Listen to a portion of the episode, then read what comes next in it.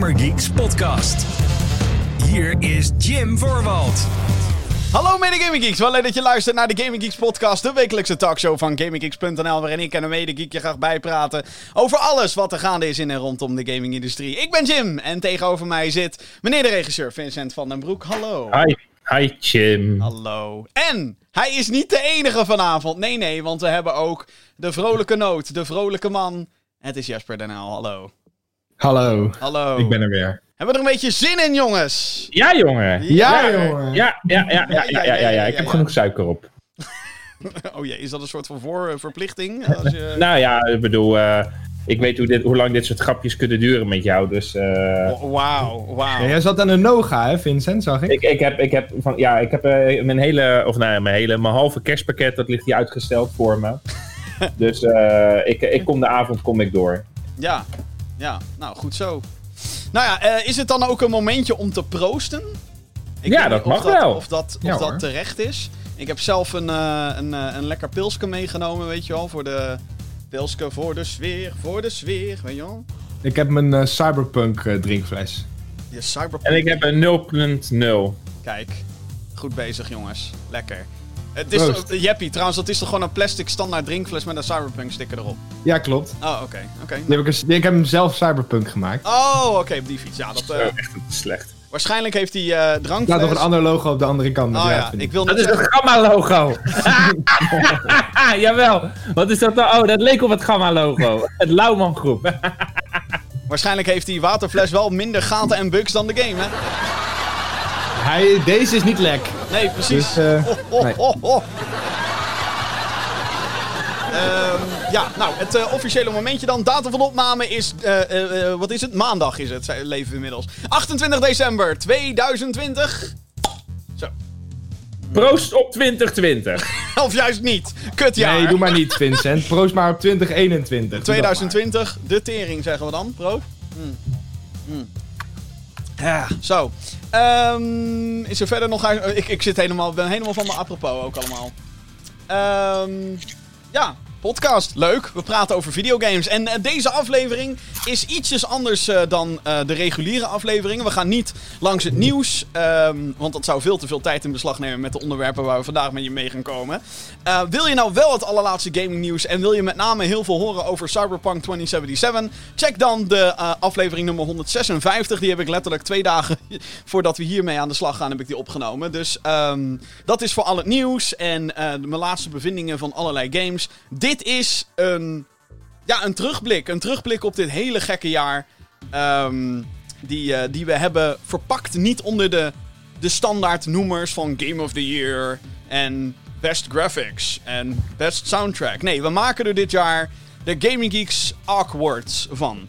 Het jaar is al awkward genoeg, dus we hebben een aantal categorieën die meer gemeen hebben met de oorkondes van Boos dan met daadwerkelijke Game Awards. Maar ze zijn allemaal game gerelateerd. En we gaan er zo meteen eh, gaan we, eh, ja, onze winnaars slash nominaties gaan we bekendmaken. Eh, in de tussentijd wil ik je heel graag vragen of je je wilt abonneren op deze show. Dat kan natuurlijk via je favoriete podcastdienst zoals Google Podcast, Apple Podcast en Spotify. En er is ook een videoversie van deze show natuurlijk te bewonderen via youtube.com slash gaminggeeksnl. Stel je hebt nog geen abonnement op dat YouTube account, is allemaal gratis natuurlijk. al die, al die ab- abonnementen, abonnementen. Dus ga vooral naar youtube.com slash gaminggeeksnl en abonneer je op deze show. Dus... eh, zullen we maar even een rondje doen dan? De goed, playlist. ja. Eh, nou, niet echt een playlist dan natuurlijk, maar eerder een eh, hoe is het nu met? Eh Jeppie, laten we met jou even beginnen. Hoe is het met Jeppie, de, de grote cyberpunk fanboy? Hoe gaat het met je?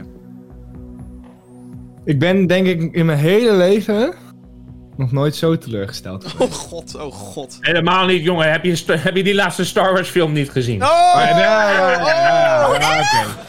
Ja, oké. Misschien was ik daar nog wel ietsje te, teleurgestelder in. I'm the spy. Maar het is, het is met Cyberpunk momenteel met mij niet heel goed, gest- heel goed gesteld. Want ehm, als je de aflevering van vorige keer, van eh, twee dagen geleden, hebt geluisterd, Ja. dan weet je dat er een bug gaande is in Cyberpunk 2077. Dat op het moment dat jouw save game groter is dan 8 megabyte, dan kan hij corrupt raken. En eh, mijn save-file zat nu op 7,5 MB. Oh, Ehm, dus ik ben even gestopt met spelen. godsamme. Ehm, dus eh, ja, het is even afwachten op een patch. En dan ga ik weer even doorspelen. Dus, maar ik vind het. ehm, eh, steeds meer gaat de glans bij mij er een beetje af. Maar. Cyberjunk. Cyberjunk 2070. Jezus. Oh man. Maar is het alleen maar die savebug of zijn er ook andere dingen waardoor Nee, je ook zo... nee, ook andere dingen. Oh, ook ook het, het, de, de combat, ik zie steeds meer flaws. Het, het rijden, de NPC's, de... Nee, het valt een beetje uit elkaar momenteel bij mij. Mm, mm. De, de illusie die ik een paar weken terug nog had, zeg maar. De. De Ja, heb, positieve noot, die is nu wel een beetje weg. ik heb ook wel het idee dat Cyberpunk 2077 eh flauw vermoeden dat hij nog voorbij gaat komen zometeen in de, in de Ark Oh, gegarandeerd. in de Arkwards. Eh Vincent, hoe gaat het dan bij jou inmiddels? Ehm, Ik weet dat kerst eh alles behalve rustig is. Ik weet dat een lockdown houdt jou niet tegen. Eh, om te doen wat je eigenlijk maar wilt. Want deze man heeft een internationale perspas. Dus hij doet er lekker mee wat hij wil. Maar, ehm dus echt waar trouwens. True story. Ik verzin het niet. Maar wat, wat, eh, hoe gaat het met je? Gewoon even een kleine korte update. Ja, het gaat dus met mij heel goed, Jim. Oké, Ja, fijn. Ja. ik, ik, ik, leef, ik leef wel in het nieuwe normaal, maar ook met een oog naar eh, hoe het altijd was. Dus ik mag, ik mag inderdaad als een van de. ik ben een beetje bevoordeeld dit, ook bevoordeeld dit jaar. Ja. Dus wat je zegt inderdaad. Dus ik mag gewoon, eh, ik heb gewoon mijn doen en laten. Ik, eh, ik kan erop uit. Ik, eh, op- ook nu. ik bedoel, media en communicatie, dat valt dus onder. nou, ik ga dingen niet hardop zeggen, maar het is, valt wel onder de belangrijkere beroepen. Dus Ja. ik mag gelukkig op pad. Dat is fijn. Ja, dat, Ja. Is, toch, dat is toch fijn. Oké, nou. ehm, ja, nou, dat, dat is eh, heel snel. Normaal hebben we het dan over de games die we En gespeeld met jou, Jim, hoe gaat het met jou? Ja, Ja, nou ja, ja, het gaat prima. Ja, ik, eh, eh, ik heb natuurlijk nog onlangs nog een podcast gemaakt. Dus voor mij is het heel gek om nu weer iedereen bij te praten met hoe het gaat. Ehm, ik ben gewoon heel blij dat 2020 er straks op zit. Betekent natuurlijk niet dat 2021 ineens alles weer... En dan pleurt hier van alles en nog wat nu ik het erover heb. Sorry, Doom Guy, je, je hoofdje ging... eh, ja, Valt uit elkaar allemaal. hij doet het nog, hij doet het nog, ja, ja. Doom Guy is een van de dingen die 2020 nog leuk maakte. Nee, maar eh, eh, eh, wat ik wilde zeggen is dat ik blij ben dat dit jaar er bijna op zit. Het was echt in vele opzichten een kutjaar. Zowel, nou ja, de, de, de situatie in de wereld heeft natuurlijk ook niet heel erg veel geholpen. Eh, en het is wat, wat, ik net, wat ik net al probeerde te zeggen voordat Doom Guy omviel. Het is natuurlijk niet zo dat als het straks 1 januari is, dat alles dan ineens, ineens gefixt is. Alles behalve. Jezus Christus. Vergeet ook gewoon altijd tijdens de opname van deze show, vergeet ik altijd de Twitch alerts uit te zetten. Mijn Is er al een Gamer Geeks podcast bingo? Want dit, deze staat op de bingo-lijst, denk ik. Echt, hè? Sorry. Eh, we hebben een volgende bij op het Twitch-kanaal. Ja, dankjewel. Oké, top. Eh, mensen willen gewoon niet dat ik mijn onderwerp afmaak. Maar eh, weet je, 2021, het gaat nog een tijdje duren voordat we weer naar het normaal kunnen. Van niet het nieuwe normaal, maar het oude normaal. Ik wil weer mensen knuffelen. Ik wil weer naar een pretpark. Ik wil gewoon weer erop uit. Maar ehm, ja, dat eigenlijk. Dus ik heb daar gewoon heel erg veel zin in. En eh, ik sluit mezelf nog wel op, omdat het moet. Ehm, want zo hoort het ook. Hè? We moeten met z'n Ja, allen gewoon ja. voorzichtig gaan. Goed, eh, ja, dat eigenlijk. Zometeen in de Gamer Geeks podcast. En zometeen in de podcast. Eh, 2020 was dus gek en vreemd, maar deze awards zijn dat dus ook. De Gamer Geeks Awards. Het meest unieke jaaroverzicht als het gaat om gaming. Echt waar, bij deze beloofd. En wat vond jij van 2020? Hoe kijk je uit naar 2021? Laat dat vooral weten via de Gamer Geeks podcast mailbox. Dat is podcast.gamergeeks.nl podcast.gamergeeks.nl Oké jongens, dan zijn we bij eh, het, eh, het, eh, het moment du suprême soort van gekomen. De Gamer Geeks Awards. Het hoofdgerecht. Het hoofdgerecht van deze show. De terugblik naar het afgelopen jaar. Die we, nou ja, een beetje onder de noemer awards doen. Maar dan niet zoals hè, vele andere Game Awards. Dat zijn Game Awards die we bijvoorbeeld ook hebben gelivestreamd en dat soort dingen. Ehm, wij hebben een aantal categorieën verzonnen. Waarvan sommige wel ontzettend ver gezocht zijn. Maar hey, dat is het leuke eraan. En we hebben dit dus de, daarom hebben we dit dus ook de Gamer Geeks Awards genoemd. Voordat we beginnen met de verschillende categorieën die in allerlei... eh, ik, heb, ik heb een beetje een balans geprobeerd te vinden tussen categorieën waarin we lekker gaan bitchen over dingen. En categorieën waarvan denken, oh, dit is positief. We, we willen je ook wat bijbrengen in plaats van alleen maar zeuren. Eh, maar voordat we daaraan beginnen, want de eerste is meteen eentje om lekker, eh, hè? Lekker, eh, nou ja, we gaan de... Lekker te zeiken. Ja, lekker, Moet- lekker zijn. Moeten we, nog, moeten we nog een disclaimer geven en nog een keer dat het echt, men, het echt met een korreltje zout moet nemen? Ja, ik denk het wel, ja. Ja. Eh, dit, Zout, zout in de ogen? dit, is alleen maar, dit is alleen maar onze mening, jongens. Het gaat over videogames. Neem het niet zo serieus. Ik heb ook een biertje in de klauwen. Weet je wel, dit is niet de officiële... Nou ja, het zijn wel de officiële Gaming Geeks Arc Awards natuurlijk, maar... hmm. Inderdaad, neem het... het, het- nee, nee, ja, dat. Het blijft een entertainmentsvorm en dus subjectief. Zijn er eh, nog opmerkingen over 2020 wat betreft gaming? Die we kwijt willen voordat we naar de eerste categorie gaan. Ehm, ja, Eh, ik kan het in drie woorden samenvatten. What the fuck? Oh, ja, oké. Ja, dat is een hele Ja, goeie. Maar- Eh, maar- la- maar- laten we het, la- maar gewoon even, het, ik denk het, het grootste dingetje wat dit jaar ge- gebeurd is. eh, Xbox koopt Bethesda. Ja, ik heb zo'n idee dat we het daar nog over gaan hebben. Wink. Maar, ehm, Dat was wel even een heel groot what the fuck moment. nou weet je wat ik dus heel raar vond van dit jaar? Is dat we... We hebben een nieuwe, een nieuwe generation van consoles is begonnen. Maar het voelt helemaal niet zo. Nee. Nee, nee, nee, ik snap wat je bedoelt. Het is gewoon, ik heb helemaal niet de next-gen hype feeling. We hebben wel een categorie die te maken heeft met next-gen. Maar over het algemeen, en dat komt misschien omdat we allemaal binnen zitten, weet je wel. Omdat we geen game-events hebben gedaan. eh, omdat, nou ja, gewoon door de situatie. Maar, wat de, er is een PlayStation 5, weet je wel. De, de, maar het enige wat er omheen eigenlijk Ja, ja. is gekomen is gezeik. Ja, heel veel mensen hebben geen Ze PlayStation zijn, er, 5 niet- ze zijn er niet in heel veel, eh, aantallen. Ja. heel veel aantallen. Ja, we hebben ook we hebben inderdaad wat je zegt, we hebben niet een soort eh, mentale build-up kunnen doen. We hebben dat ding niet ergens in een winkel kunnen zien staan. We hebben dat ding niet op een event kunnen meemaken. Ehm, en dan merk ik dat ik dan zo'n Gamescom 2020, dat ik dat dan wel echt gemist heb. Want dat is de plek waar eh, eh, Jim, zeg maar, als een kleine kleuter eh, staat te schreeuwen. "Ah, dit is het, dit is het, PlayStation 5! Ja, of, zeven jaar geleden inderdaad. Jezus, ik voel me oud. Dus Maar zeven Ja. jaar geleden, toen we voor het eerst op Gamescom waren, 2013, ik weet het nog heel goed. Mochten we naar binnen? Ja, ja, ja, ja, ja, jullie hebben perspas. Ja, jullie mogen wel naar binnen. En ik sprintte naar die DualShock 4 controller. Weet u het nog, dames en heren? Het is al lang geleden, de PlayStation 4. Maar toen zat ik inderdaad helemaal wat jij omschrijft. Dit is een Vincent, de PlayStation 4! Helemaal flippen. Ja, nou, dat, dat mis je. Je, wist, je mist daarin inderdaad wel eh, de, de hype van de mensen om je heen. Je mist eh, in, in, in zo'n geval eh, een Gamer Geeks live. Waarbij je met elkaar live kan, eh, kan zijn in één ruimte. En eh, dat je kan schreeuwen. Ah, dit word je maar gek. Eh, Op, bij, bij een E3 of eh, bij, wat voor, eh, bij wat voor show. Ja, dat zijn dingen die, die ik op het gebied van 2020 wel heb gemist. En wat eh, 2020 wel echt een bijzonder raar jaar noemt. En wat je nu zegt, ja, dat klopt ook. Ja, kijk, weet je, ik was van zo lang zoals het leven zo niet van plan om een nieuwe next-gen ding te halen. Ik bedoel, ja, daar wacht ik gewoon, daar wacht ik gewoon sowieso mee.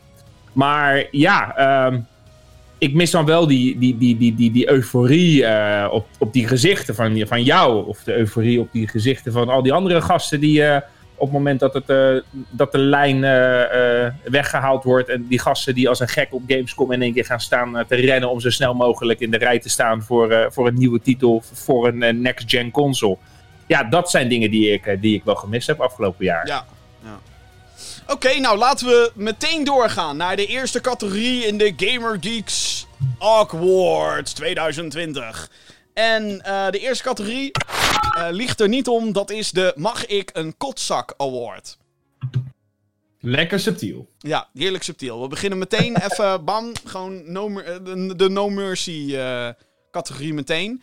Ehm, ik had me bij deze categorie voorgesteld, dit is gewoon het slechtste van het slechtste van het jaar. Ehm, Ja, dat stond er niet bij toen jij dat dingetje aan ons gaf. Nee, ja, dat klopt. Dat, Daar ik. stond er niet bij. Dat weet Dat, ik. dat, maak, je- dat maak je er nou van. Maar dus ieder- dat is wel echt gewoon een beetje... eh, loopt hij al die draaien hier. Ik bedoel... Ik heb de categorieën dus naar vrije interpretatie heb ik hem eh, gemaakt. Oh ja, Ja, ja. mag ik, O- mag ik een over kotzak ook? kotzakjes gesproken.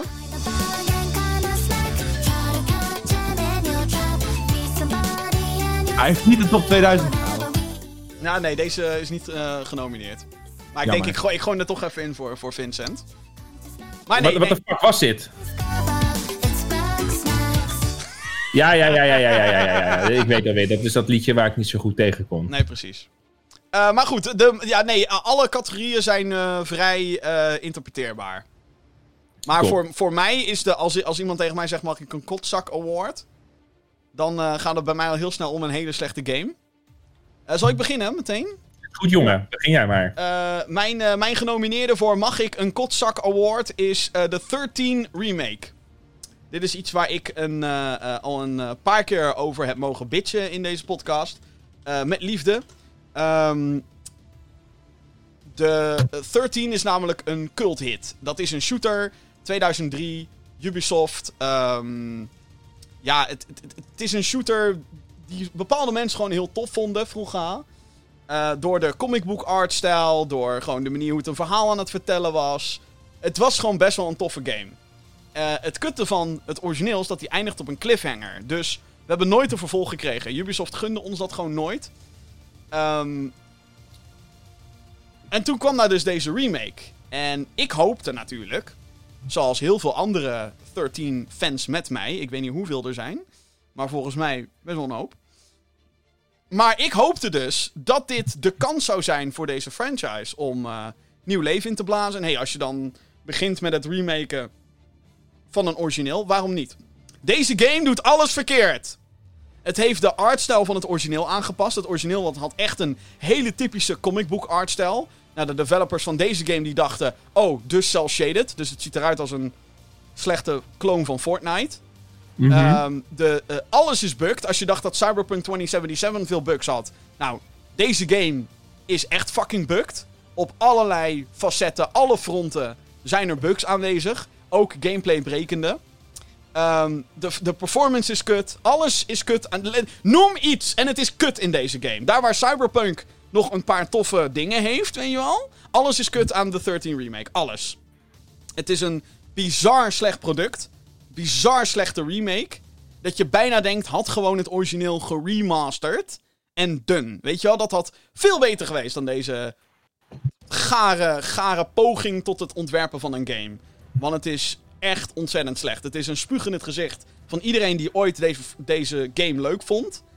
Ehm, en eh, vooral ook de manier hoe de ontwikkelaars ermee om zijn gegaan. Die, eh, eh, eh, nou, de game werd niet goed ontvangen. Het was een van de slechtst beoordeelde games op Steam ooit. Qua negative reviews, negative ratings. Meer dan terecht. En de eerste reactie van de developer was om te zeggen: Ja, we hadden een day, patch, een day one patch ingepland. Maar door COVID hebben we die moeten uitstellen. Fuck off. Deze game kwam uit in november. Dat is niet meer het moment om COVID de schuld te geven van hoe kut je game is. Eh, en inmiddels zijn er een paar patches overheen geweest. En elke keer wanneer er een nieuwe patch van weer een paar gigabyte uitkwam, heb ik het weer even opgestart. Gewoon van kunnen ze dit nog fixen? Natuurlijk niet. Natuurlijk niet. Het is nog steeds kut. Ze hebben wel een paar dingen opgelost. Een paar grafische bugs zijn wel eh, eh, opgelost. Maar de kern van de game is nog steeds kapot. En het merendeel van de game is nog steeds hartstikke kut. Dus eh, Ja, dit is ook wel het jaar geweest waarin de Day One patch een beetje ja, heilig slash onheilig is verklaard. Want we hadden, ja, we hadden inderdaad 13 waarvan ze zeiden van jongens, de Day One patch gaat het allemaal fixen. We hadden het bij Cyberpunk hadden we het, ja. bij Marvel's Avengers hadden we het. Oh ja, ja. Maar gewoon als de core van zo'n game niet goed is, dan gaat zo'n day one patch niks meer ik- uitbrengen. ik mag En toch- dat ik- heeft dit jaar wel duidelijk bewezen. Ik mag toch inmiddels hopen dat de mensen die eh, eh, excuses maken voor developers. Eh, ook wanneer er zeg maar een beta is geweest. Want nou, bij Avengers was dit bijvoorbeeld het geval. Ja, nee, maar ze gaan Mhm. het wel fixen. Binnen twee weken. Are you fucking kidding me? Nee. Dat, gewoon nee. En ehm, Ja, sowieso vind ik eh, eh, het, eh, wat, je, wat je net zegt, eh, het, eh, het over de rug van COVID eh, gooien is natuurlijk al wel heel slecht. eh. een COVIDje om best wil noemen de jongeren op de middelbare scholen. Hè. Net serieus. Dat is echt een COVIDje om best wil. Hè. Op de middelbare school is het van, nou ja, nee, morgen niet naar school, COVID. Of eh, moet getest worden, verkouden. Ja, eh, dat, is, dat gebeurt nu ook in de game-industrie. En ik denk dat, tuurlijk, weet je, in maart ergens in die periode oké. Ik snap dat je dan op het laatste stuk, dan kan je dat eventjes de schuld geven. Maar sindsdien, ik bedoel, er zijn zoveel verschillende manieren om gewoon alsnog door te werken. En zeker in de videogame-industrie, waarbij 9 van de 10 facetten van het ontwikkelen van de videogames toch op de computer gebeurt. Uh, geef die werknemers de computer mee naar huis. Zorg ervoor dat je uh, de werkvloer anders indeelt. Waardoor niet de volledige capaciteit op kantoor zit en zo. En misschien, en misschien praat ik hier nu wel heel makkelijk over. Maar ik denk dat de videogame-industrie uh, een van die industrieën is die, het, nou ja, ik wil niet zeggen het minst heeft geleid onder COVID-19. Maar lang niet zulke harde klappen heeft gevangen als dat de vele andere beroepen en takken dat hebben kunnen doen. Ja. Die ook die ook niet uh, COVID-19 de, de, schuld geven waarom ze dingen wel of niet zouden kunnen doen. Ja, Ik, denk, bedoel, ik, denk... Ik, heb, ik heb nog geen ziekenhuis gehoord. Wel hè, dat behandelingen en zo, dat het lastig is. Maar die zijn nu ook keihard aan het bikkelen en dergelijke. En dan hoor je ook niet zeggen van... Nee man, uh, we gaan dit nu niet doen, want... Of, ja. ja. ja, en denk eens aan de, aan de filmindustrie. The Mandalorian Season 2 is er gewoon gekomen dit jaar. Ja, ja nee, de filmindustrie is natuurlijk een apart, apart verhaal daarin. Want daar, uh, bedoel, dan kan je het ook niet... Wat je zegt inderdaad, oké, weet je, dat, dat wel. Maar The Mandalorian is dan ook wel weer een apart, uh, apart geval eronder. maar de filmindustrie heeft het wel veel, veel zwaarder gehad dan de, de videogamesindustrie. daar het al, gaat om dat er interactie moet zijn voor een camera.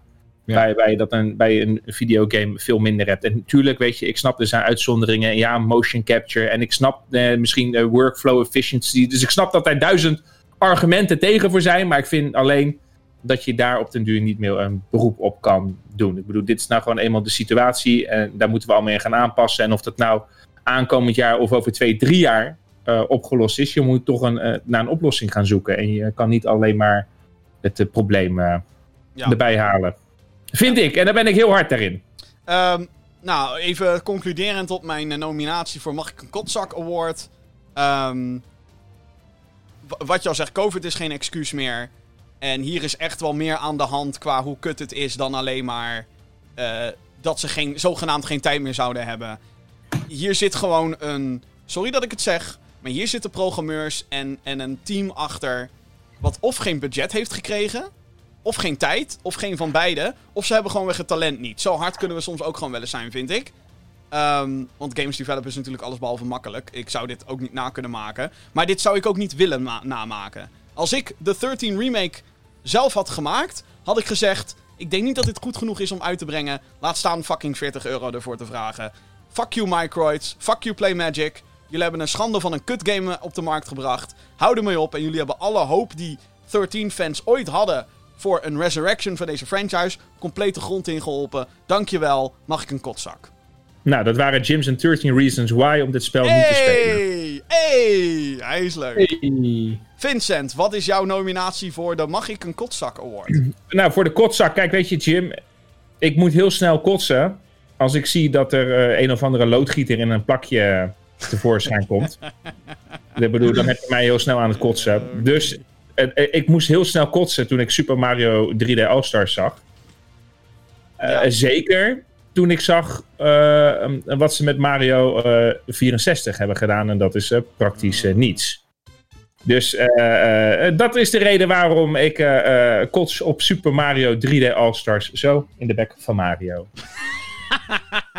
ja. Maar for real, ik vind, uh, ik, vind dat, uh, wat ze, ik vind dat echt Mario 64. En bedoel, daar is natuurlijk wel uitgebreid, is dat behandeld in, uh, in twee video's op Gamer Geeks.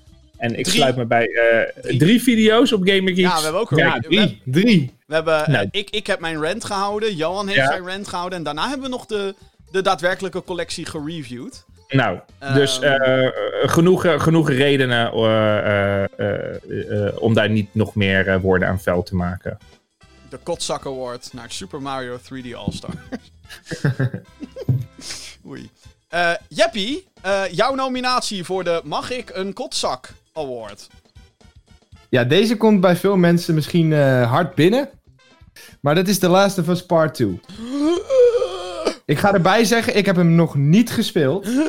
Maar ik denk dat ik dat ook mooi niet ga doen. Oh jee. Oh, jee. Ja, maar dan had hij bij een andere moeten staan. Uh... Klopt. Maar ik vond, zeg maar, deze game, um, van wat ik ervan gehoord heb, um, is, he- heeft tot zoveel ruzie geleid binnen communities, binnen eh, vriendengroepen, binnen alles. Dat ik ehm, een beetje misselijk ervan word als ik al denk aan het spelen van, de- spelen van deze game. Je bent bang dat, je, eh, dat jouw mening argwaan gaat opbrengen, is dat het? Eh, nou, niet zozeer, maar ik, gewoon door alle ophef die er omheen is, heb ik al gewoon geen zin meer om deze game te gaan spelen. Oh. Zeg maar. oh. Om, Omdat ik zoiets heb van er zijn zoveel betere games om dan te spelen. Ik ga niet eens een poging wagen. En ook vooral omdat het door eh, critici zo. Hè, eh, die waren eigenlijk lovend. Zeker bij de, de Game Awards, de officiële Game Awards. Ja, de, ja, de, de Game, game, De Game Awards. Ja. Terwijl er ook heel veel mensen waren die zeiden: Dit is shit. Dit is it's a disgrace. Ehm, ja, ik, heb, ik word gewoon misselijk daarvan als ik er al aan denk om dit te gaan spelen. Dus ik ga het ook mooi niet doen. Oké. Ik zijn- ga deel 1 spelen en dan eh, vind ik het goed. Ja, ik ben dus heel benieuwd of je er daarna nog steeds in staat. Of je dan na het spelen van deel 1, die je, hoop ik, voor jou dan eh, heel tof gaat vinden. Want ik vind deel 1 nog steeds Mhm. een van de beste games ooit gemaakt. Ehm, ik kom nog terug op The Last of Us Part 2, dus vandaar dat ik een beetje... eh, nog niet heel veel over deze specifieke game ga zeggen, omdat, eh, nou ja, ik kom er nog op terug. Ehm, maar maar ben, je daar dan niet, zeg maar, ook bang voor? Dat je dan deel 1 hebt gespeeld en dat je dan denkt, kut, ik wil nou toch wel weten hoe het verder gaat. Ja, nou ja, kijk, ik heb dus zoiets van. ehm, ik ben ergens ook aan het twijfelen om deel 1 te gaan spelen. Want omdat ik weet dat. ehm, Dit nou ja, er naartoe ik, wat leidt. ik denk. Wat ik denk. eh, dat deel 1 een open einde eindigt. Ehm, en dat je eigenlijk wel deel 2 wil spelen, omdat je weet, wil weten hoe het verder gaat. Ehm, dat is wat ik denk, nogmaals. Nou, zon- zonder te spoilen. Nee. Nee, dat Dus eigenlijk. je kan in principe alleen deel 1 spelen. Dat kan je in principe doen, inderdaad. Ja. Ja, eigenlijk het eindigt deel. eh, het, dit is een beetje het. eh, kut, ik ga er nu al te veel op in, maakt niet uit. Wat eigenlijk een beetje jammerlijke is, is dat ze juist voor een vervolg zijn gegaan. Want ik had het zelf super ballsy van Naughty Dog gevonden als ze gewoon hadden gezegd: nee hoor, dit is het. Ja. Ja, en, en tuurlijk, je, je kan, eh, als je deel 1 hebt uitgespeeld, kan je inderdaad honderdduizend eh, richtingen bedenken waar deel 2 naartoe gaat. En dan zul je Mhm. altijd bij het hebben van een deel 2, met dit soort gevallen, zul je altijd mensen hebben die pissed af zijn. Ehm, maar inderdaad, de backlash die we hebben gehad, nou, ja, dat is voor mij een van de redenen om hem in de Gaming Geeks Awkwards te zetten in een andere categorie. Ja. Ehm, nou ja, dus, maar daarom heb ik dus zoiets van. Ik ga niet eens proberen om deze game dan te spelen, want. ehm, ja, het klinkt gewoon niet als de moeite waard, zeg maar. Kijk, weet je, jongens, Wat ik, wat ik ervan hoor in mijn directe kring. Het spijt me, Jesper, dat ik nu eh, dit volgende ga zeggen. Maar 25 augustus 2019 op Gamescom. Toen eh, eh, had Jesper een rentvideo over Star Wars gemaakt. Waarin hij nooit meer. Oh nee, Star Wars, dit niet, dat niet, zus ik niet ga zo. nooit meer een Star Wars En game ik nooit meer een Star Wars game aanraken. nooit meer dit, nooit meer dat. En puntje bij paaltje, datzelfde jaar. Ja, maar luister. Oh, oh deze game! Oh, oh, Oh, Luister, Vincent. Ik, he- ik ben. Dus als- als Jesper- dat als ik klein Jesper- ben. Sinds dat Je ik zes ben een Star Wars fan. Dus, maar als Jesper dan zegt... I don't give a flying Als, als, ik, als ik dan zeg maar hoor dat Jesper in de ene zin zegt van ja, nee, dit spel nu nooit, dit is misselijk. En aan de andere kant zegt hij ja, ik ga wel denk ik deel 1 spelen. Ja, maar het gaat om deel 2 specifiek. Ah! Het gaat om hoe, deel groot, 2. hoe groot is dan de kans dat hij daadwerkelijk deel 2 niet, niet, eh, hoe, hoe, niet, niet gaat spelen? Gaan boycotten. Ja, dan moet je ook deel 1 boycotten. Wees dan een vent en boycott ook deel 1 en misgun jezelf die ervaring. care less, really. Maakt me echt geen reet uit. Ik heb nog zoveel te spelen, Vincent. Oh, Ja, dat- wil niet dat- weten. Daar heb je gelijk in. Nou, over meer spelen gesproken. Laten we snel doorgaan naar de volgende categorie. In de Gamer Geeks ARC, Awards. Laten, we, laten we beginnen met Jesper. Ja, nee, dat dacht ik dus ook. Laten we inderdaad meteen beginnen met Jesper. De volgende categorie in de Gamer Geeks ARC Awards is... De Fuck You COVID, nu heb ik dit als Hardcore Gamer moeten missen award. Als Hardcore Gamer. Ja, Ja, Ja, ja. oké. Jeffy, wat is jouw nominatie voor de Fuck You COVID? Nu heb ik dit als hardcore gamer moeten missen award. Lego Star Wars. De Skywalker saga. Maar luister. Oké, ja, ik luister. De allereerste videogame Ach, die ik ooit gespeeld heb, ach arme jongen. is Lego Star Wars The Complete Saga. Ja. En overigens, Vincent, ik zie jou nu een mic drop doen. Dat heb je heel goed Deze gezien, is niet jongen. gemaakt door Oh. EA. Fuck you. Oké. Ehm, dat was, dus zeg maar, Lego Star Wars The Skywalker Saga is een game van eh Traveler's Tales, wordt het volgens mij door Tra- ontwikkeld. Tra- Traveler's Tales. Ja. En ehm, Ik ben een eikel. het worden alle negen Star Wars films in één bundel. Ah, compleet vanaf de, de grond af opnieuw gemaakt. En doordat de, de Complete Saga, zoals het dan vroeger heette, dat is, het is nu de Incomplete Saga, maar dat was het origineel, zoveel gespeeld heb, wordt dit voor mij gewoon één grote nostalgietrip. En heb ik er gewoon eh, shamelessly heel veel zin in om dit te gaan spelen. Maar waarom dan in de categorie Fuck You COVID? Dan, of de Fuck You COVID? Omdat die eigenlijk in december uit zou komen. Ja, maar dat, ik geloof daar helemaal geen snars van, als ik heel eerlijk ben. Ik denk dat deze game gewoon is uitgesteld omdat ze gewoon... Niet specifiek door COVID, denk ik, maar ik denk gewoon omdat... Nou ja, omdat ze niet in hetzelfde maand als eh, Cyberpunk wilden releasen. Dat wisten ze toen nog niet waarschijnlijk, maar... Ja. Maar, eh, eh, oké. Maar ik heb hem wel moeten wissen, Ja, want hij is nog niet uit. Oké. Ja, ik vind dat gewoon heel jammer, want ik heb he- stiekem heel veel zin in deze... Nou, niet eens stiekem. Ik, heb moet- hier heel veel zin in. Ik moet wel heel eerlijk bekennen dat toen ik de gameplay trailer voor het eerst zag van Lego Star Wars eh, Skywalker Saga, dat ik wel dacht, oké, dit is wel dit is wel iets indrukwekkender dan ik eh, in eerste instantie had gedacht, eh, zeg maar. Ja. ja, we hebben nog niet heel veel gameplay ervan gezien, maar van wat ik ervan begrijp, wordt het dus een open world Star Wars game. Wat? Ja. Oké, laat maar, ik heb er nu al geen zin meer in. Laat maar zitten. Dit wordt kut. Oh, oké. Ja. Eh, Jim heeft geen vertrouwen in Lego en open world.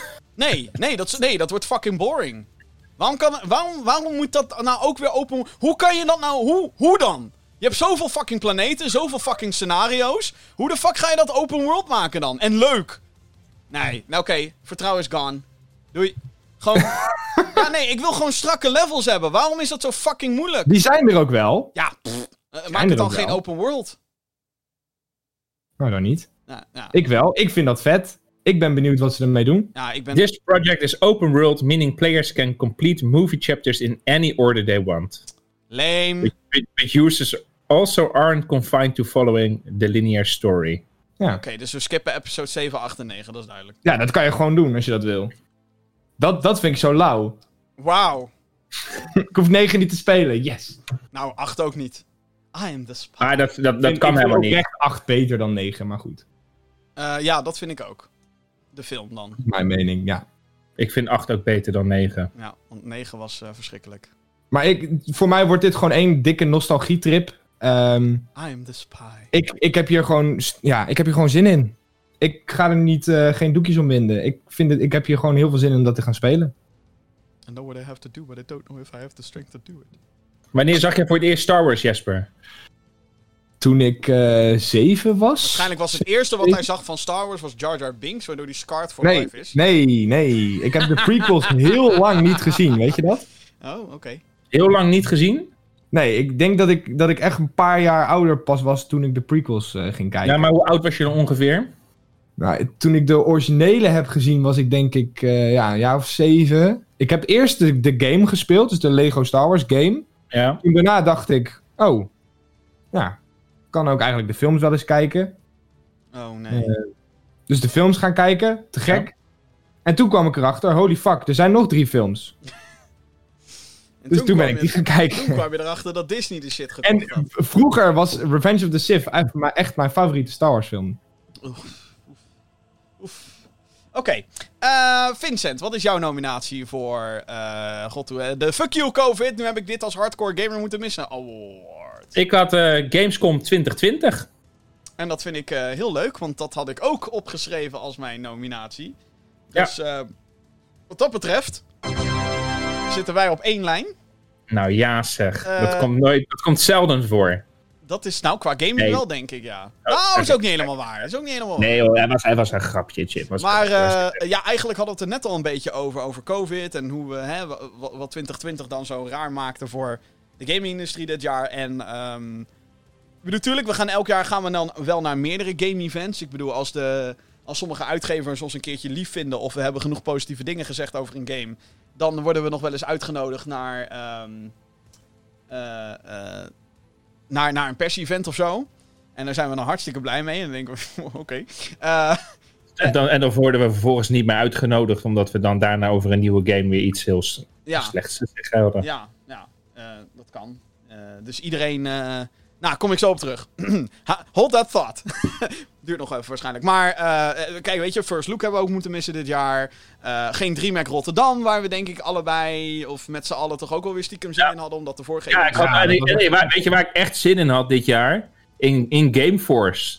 Ja, oh ja, Gameforce Ja. hebben we ook moeten missen. We hebben natuurlijk, nou ja, goed. De, de- bijna niks is doorgegaan. E3 is niet doorgegaan, maar ik denk dat degene die wij inderdaad dan als fysieke game-event toch wel elk jaar het meeste naar uitkijken is Gamescom. Omdat wij daar gewoon toegang hebben tot weet ik hoeveel game demo's. Ik hou zelf van de, de rush van Gamescom, waar we dan middenin zitten. Niet alleen maar probeer ik de agenda veel te vol te maken met dingen waar we heen moeten gaan, willen en zo.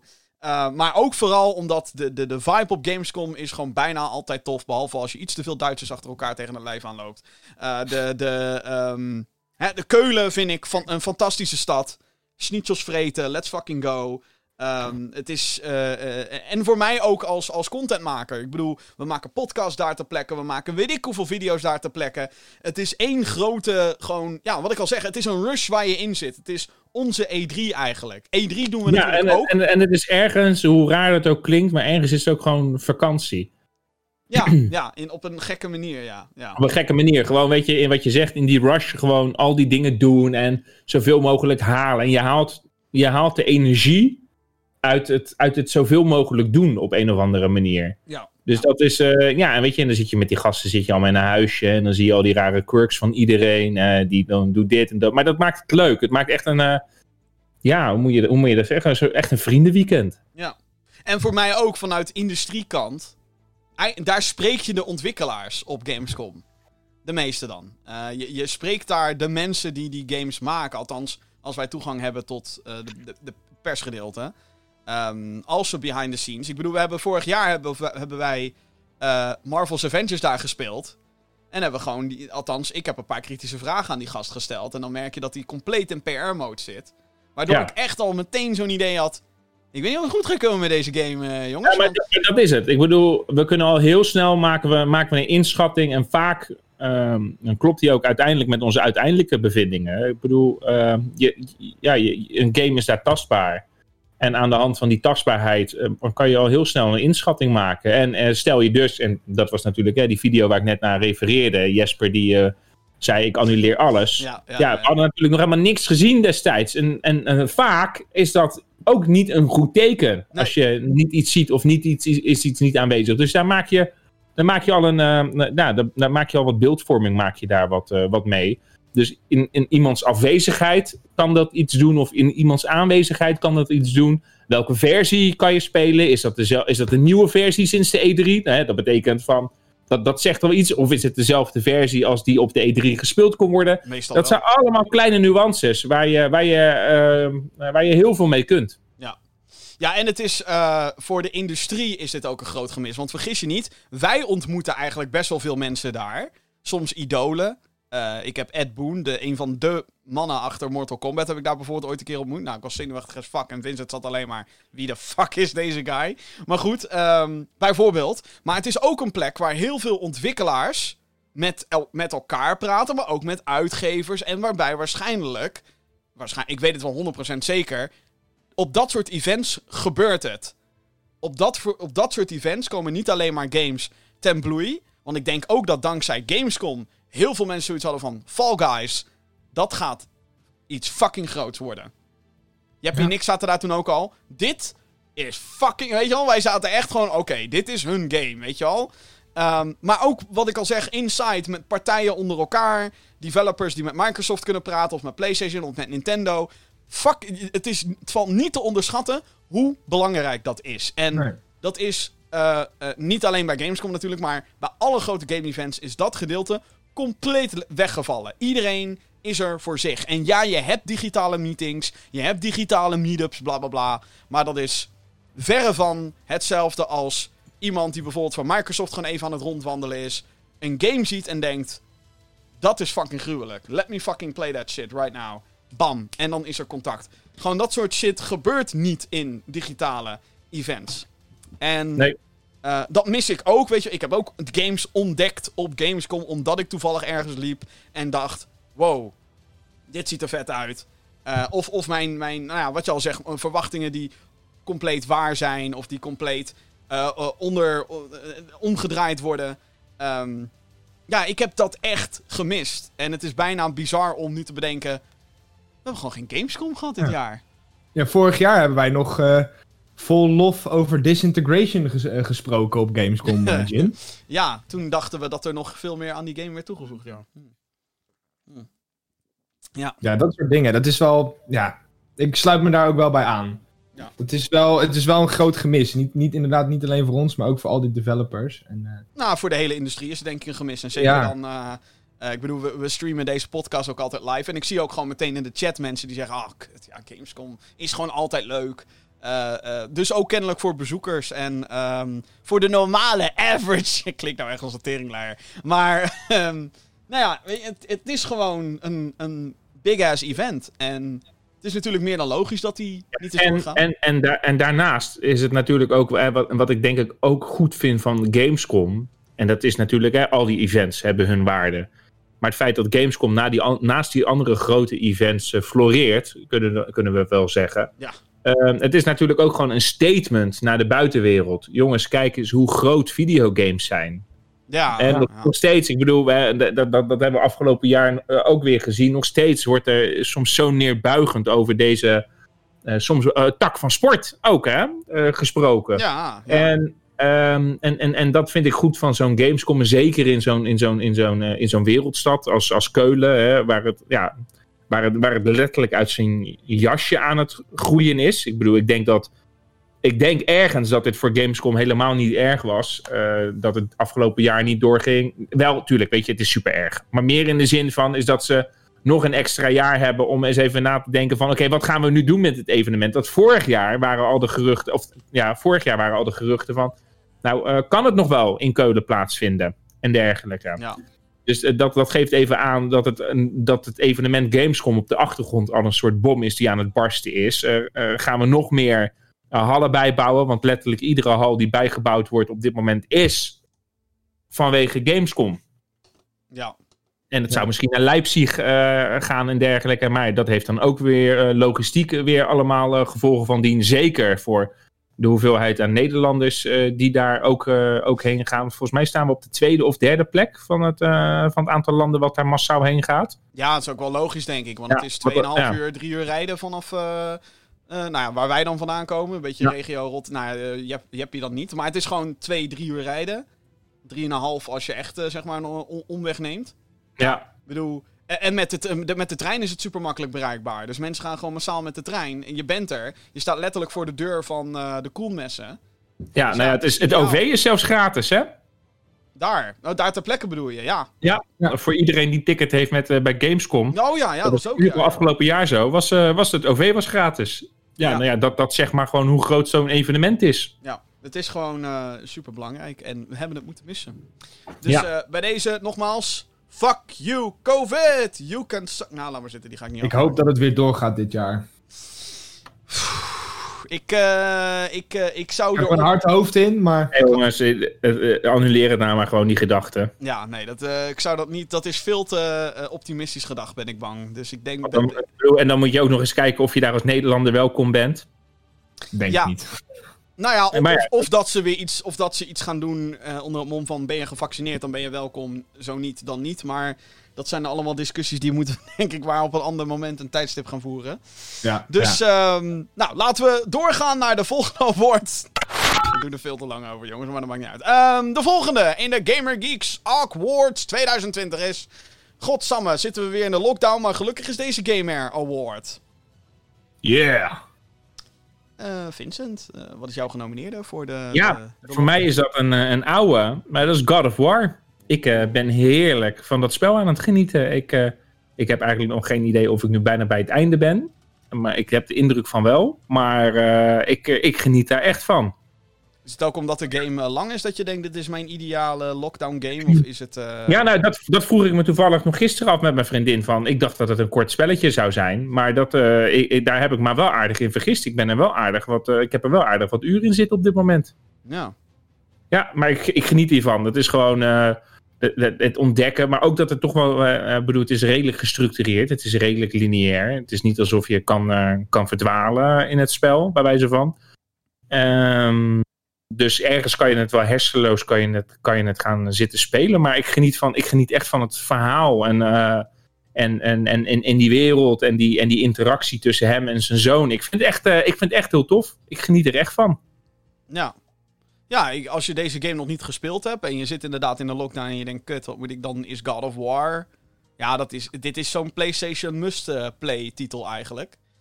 Eh, voor mij. Ik vond dit eh, de beste game van 2018. Nu we het toch over awards hebben en zo. Zo, 2018 alweer zeg. Ja, de, de tijd vliegt als, je het, eh, als je in de lockdown Ja. zit.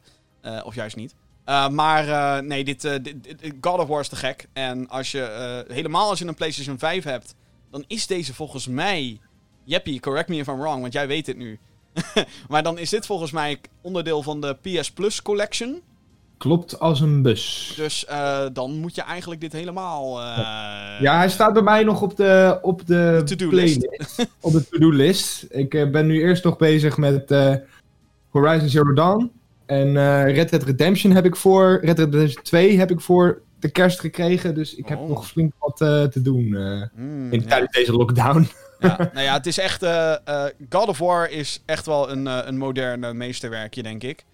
Ehm, en eh, het is inderdaad. Het is een prachtig spel. En daar kan je je inderdaad wel lekker in verdwalen. Dus eh, eh, ik vind het een goede keuze, Vincent. Nou, dank je. Een goede. Eh Jeppie, wat is jouw nominatie voor Ja. deze, deze ontzettend prestigieuze award die we absoluut, waar we absoluut langer dan vijf minuten over hebben nagedacht. De godsamme zitten weer in de lockdown, maar gelukkig is deze Gamer Award. Ja, voor mij, eh, we hebben het er net al heel kort even over gehad. Maar voor mij is dat eh, Fall Guys. Oh, Ultimate Knockout. Ik vind dat dus zo'n game waar ik mijn hoofd even uit kan zetten en gewoon lekker even kan opgaan in zo'n game. En vooral omdat het zo vrolijk is, zo kleurrijk, ehm, hier en daar ook wat frustrerend. Ehm, ja, ik vind het gewoon echt een heerlijke, heerlijke eh, eh, game om even op te starten, even een paar potjes te doen na een, na een dag van thuiswerken en in Zoom-meetings zitten en in allemaal dat soort dingen. Dan vind ik het gewoon heerlijk om even die, even al die prikkels te krijgen, zeg maar. Ja. En ja, eh, en het is een hele leuke partygame, laten we dat ook niet vergeten. Ehm, het is super leuk om samen met vrienden te doen. Dus ja, wat mij betreft de ultieme ehm, eh, lockdown game. Ja. Ja, ik ben zelf een beetje van eh, Fall Guys eh, ja, weggevallen. maar dat komt vooral de manier hoe die game, zeg maar, niet goed was in het begin. Als in, er waren gewoon veel te veel hackers en er waren... eh, ehm, er was ook niet genoeg variatie. Inmiddels hebben ze wel wat dingen toegevoegd. Maar ik heb Ja, nooit... hebben heel veel landjes weer toegevoegd, inderdaad. En eh, nou ja, ik, ik speelde hem eerst op PC en nu op PlayStation. Ehm, en ik moet zeggen, ik heb op PlayStation nog geen hacker kunnen ontdekken. Oké, ja. Nou nee, op PC was dat op een gegeven moment echt dat je denkt... Oh ja, we hebben weer zo'n teringhacker, dus die gaat sowieso winnen. En- Ja, ja, dat was inderdaad heel erg frustrerend. En inderdaad, wat je zegt, eh, op een gegeven moment kwamen elke keer dezelfde landjes. Ehm, en ik ben nu denk ik een weekje weer Fall Guys aan het spelen op, op de PlayStation dan.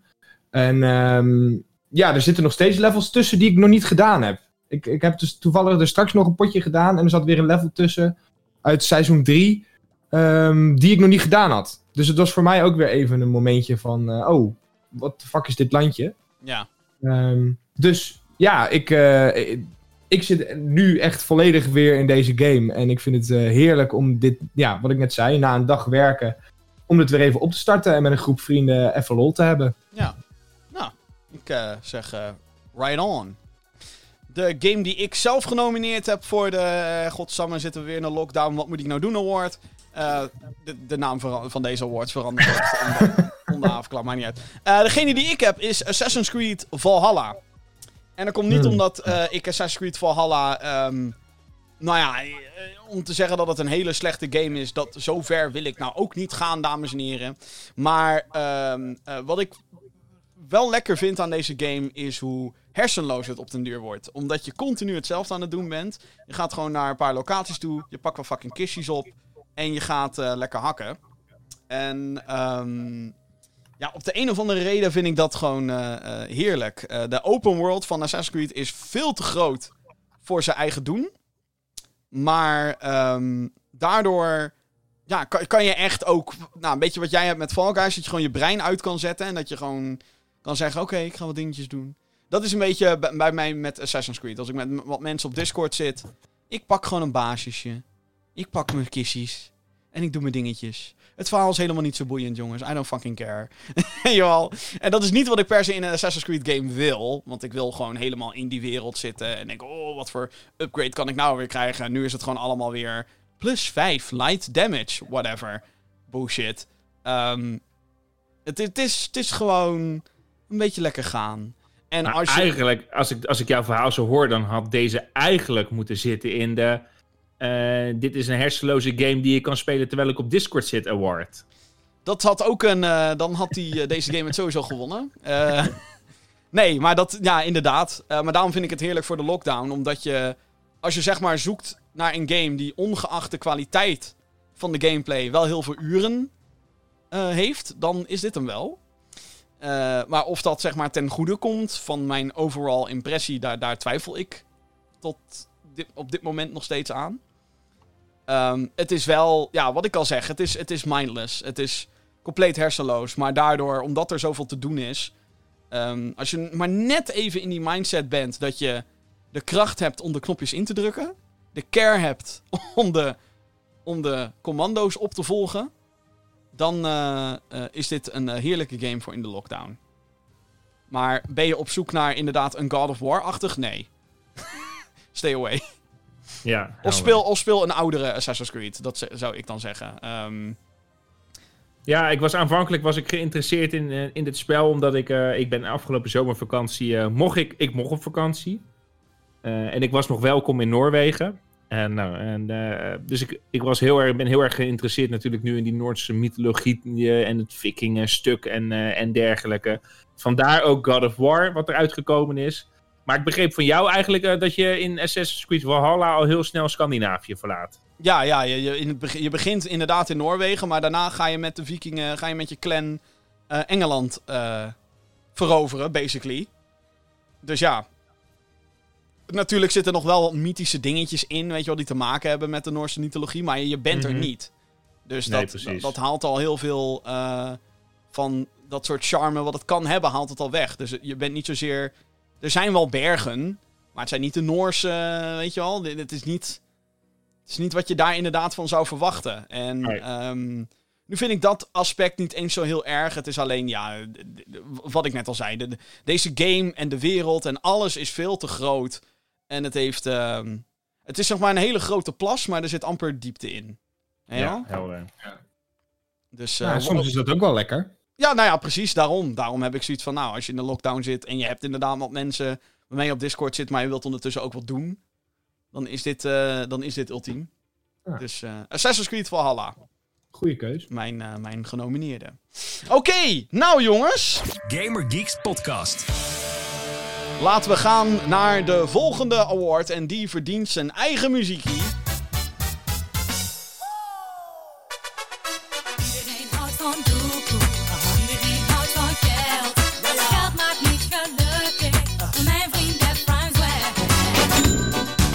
Want de volgende award, die is voor de iedereen houdt van doekoe, iedereen houdt van geld, maar geld maakt niet gelukkig. Of toch wel award. Hmm. En hoe je dat wil interpreteren, nou ja, dat is eh, nogmaals eh, eigen vrije keus. Eh Jeppie, laten we met jou Ja. beginnen. Wat, wat is jouw genomineerde voor de Iedereen houdt van Doekoe, Iedereen houdt van geld maar niet gelukkig, maar voor sommigen misschien wel award? Marvel's Avengers. Oh god. Want het maakt niet uit hoeveel budget en hoeveel hype je achter een game zet. Als de game kut is, verdien je alsnog je kosten niet terug. dat is inderdaad wel een dingetje, ja. Ja, deze game is keihard geflopt. En eh, het komt erop neer dat de developers eh, uit mijn hoofd 90 miljoen euro tekort hebben verdiend met deze game. Eh, nou ja, het heeft zijn geld niet eens terugverdiend. Laat staan inderdaad winst gemaakt. Ja, dus eh, iedereen houdt van Doekoe, iedereen houdt van geld. Maar geld maakt niet gelukkig, dat blijkt maar weer, want ze hebben geen geld. Dus ja, vandaar dat ik deze heb genomineerd. Oké. Ja, ik... eh Ja, klopt. ja, ja, er, valt weinig aan toe te voegen, toch? ja, inderdaad. Nou ja, het, het feit is er gewoon. Deze game heeft zijn geld nog niet terugverdiend. En eh, nou, we hadden het net al natuurlijk over Gamescom en zo. Wij zagen dit van mijlen ver zagen wij dit aankomen. Dat deze game in ieder geval niet het succes ging worden qua game. Qua hoe het speelt en zo. Wat we hadden gehoopt, denk ik. Zeker van de studio die Tomb Raider heeft gemaakt. Ja, wat we hadden verwacht ook, denk ik. Ja, eh, niet, niet een multiplayer-focused wannabe Destiny, maar dan hack and slash. En dan wat met, met Avengers die wel soort van op de film willen lijken, maar natuurlijk niet kunnen, want ze hebben de acteurs niet. En het moet een aparte universe zijn, dus doen we half om half. Het, eh, Ja, het was het allemaal net niet. Eh, heeft Vincent nog wat te zeggen over Avengers of eh, komen we daar nog op terug? Nee, wat je, nee, wat je zegt, dat zagen we van mijlenver aankomen. Ik zat in mijn neus te peuteren tijdens die presentatie op Gamescom. en, en toen had ik al zoiets van, is dit het? En ik zag die hakkelige framerate eh bij die brugscène. Nee, nee, dat wordt aangepast. En toen... De day one patch! En toen konden ze ons de helft toen konden ze ons de helft niet vertellen nadat, nadat Jim vroeg van ja, en wat gaat er dan daarna gebeuren? Nee, dat komt in een aparte conferentie. Daar kunnen we nu niet over praten. Ja, Het is echt... eh, Ja. Ze gaan eerst een jaar eh, die game fixen en dan komt eh Spider-Man. nee, dit spel is klaar. Dit spel is, dit is gewoon, ja, je weet je, je en dat is, nou ja, de, dat zal ik straks ook gaan zeggen bij iets anders, maar het is gewoon klaar. dat zijn ja. No Man's Sky ook. Ja, maar Dat het klopt. verschil natuurlijk is, is dat dit, een, eh, wat je net al zei, het is een veel duurder project dan No Man's Sky. Eh, en ehm, de playerbase van. Ik bedoel, de playerbase van No Man's Sky ging ook naar de kloten. Maar ik denk niet dat Marvel's Avengers de expansions krijgt die No Man's Sky heeft gekregen inmiddels. Die echt die game gewoon substantieel beter maken. Ik denk gewoon niet dat dat erin zit. Nee, nee, zeker niet. Want deze game is echt gewoon... Ja, in de basis... Flawed, zeg maar. Ja. Gewoon niet goed. Dus ik denk dat, dat- inderdaad dat het niet meer goed komt. En dat ze die... eh, iedereen houdt van Doekoe, iedereen houdt van geld niet meer terug gaan uh, terugverdienen. Vincent, wat is jouw genomineerde voor de Iedereen houdt van Doekoe, Iedereen houdt van geld, maar geld maar niet gelukkig of toch wel award? Ik had Cyberpunk 2077. Oh, wat erg. Met, eh, met gewoon hè, games die al verreweg gepre-ordered waren. Huilende Jespers, huilende Jims en Johans en Jeroens. En eh, games die van de PlayStation Store af worden gehaald. Aandeelhouders die boos zijn op eh, Cyberpunk 2077. En rechtszaken gaan aanspannen. Rechtszaken, eh, refund acties. Ehm, ik, vond, ik vond dit helemaal in dat eh, genre passen. Ja, ja het, was inderdaad, eh, het is inderdaad heftig hoe. eh, wat er met Cyberpunk is gebeurd. Oh, how the mighty have fallen. Ja, Ja, ja zeker. You were, the, you were the chosen one. It was said that you would ja destroy. echt. It was said that you would destroy EA, not join them. Bring balance to the publishers. Not leave it En, to en, en, en, en, en ik ga kijken of ik dit spel op Marktplaats kan vinden. En hij is heel veel. De, de- in ieder geval de consoleversies zijn op Marktplaats te vinden. Maar daar ga ik me niet aan wagen. Nee, Nee, ik zou hem lekker voor PC kopen. dat- Ja, Eh, nee, daar ga ik me echt niet aan Voor wagen. Stadia, Vincent. Voor Stadia. Stadia! En toen bleef Dit is oprecht. Dit is, dit is geen grap. Hij Oké. schijnt op- op Stadia best goed te draaien. schijnt.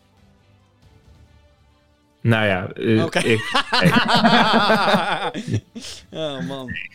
Eh, dan ga ik mijn nominatie er even in gooien. De, eh, eh, oh nee, dat is hem dan ook. De, de laatste genomineerde. Die iedereen houdt van Doekoe, iedereen houdt van Geld Award, maar Geld maar niet gelukkig. Of toch wel.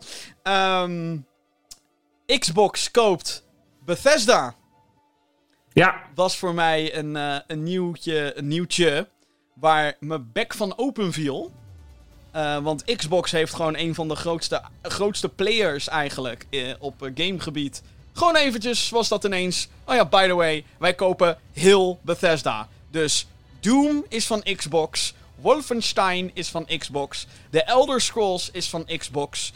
Ehm, Prey is van Xbox. Fallout is van Xbox. Wat? En alle studio's. Al- alles is nu van Xbox. En ehm, ze zijn sindsdien wel heel erg vaag gebleven over wat er nou gaat gebeuren met, met alles wat ze gekocht hebben, basically. Dus de meeste mensen vragen zich nu natuurlijk af. Elder Scrolls 6 en Starfield, komen die nou wel of niet naar PlayStation? Nou, daar zijn ze heel vaag over, waardoor ik zoiets heb van, ik denk van wel. Ehm, maar ze kunnen natuurlijk nu, ze hebben nu al het recht om te zeggen, nee, doen we niet. PC, Xbox, prima, maar niet op PlayStation. En dat is een Ja. fucking gamechanger. En Ja. maakt geld in, op, in dat opzicht gelukkig? Nou, ik weet het niet, maar ik weet wel dat Bethesda voor 7 miljard is overgekocht. Meer dan. Eh, en dat is zeg maar drie keer zoveel als wat Disney voor Star Wars heeft betaald. En Indiana Jones en heel Lucas film. ja weet je hoeveel vaccins je daarvan kan kopen? Nou, dat zijn, dat zijn er een. Daar kan je de hele wereld mee volspuiten, denk ik. Eh, Jezus. Ja. Maar eh, dit was voor mij wel eh, eh, dat ik denk: oké. Oké. En, en wat ik zo interessant vond aan die aankondiging is dat op dat moment eigenlijk. ehm, alle, alle kaarten liggen dan. Dan kan alles. Als Xbox heel Bethesda over kan kopen. Dan. Nou, dan moet je niet gaan verbazen als er ineens een andere grote partij waarvan we normaal zouden zeggen. Nee, hoeft niet. CD Projekt Red. Doe je fucking bot maar, Xbox. Doe je fucking bot maar.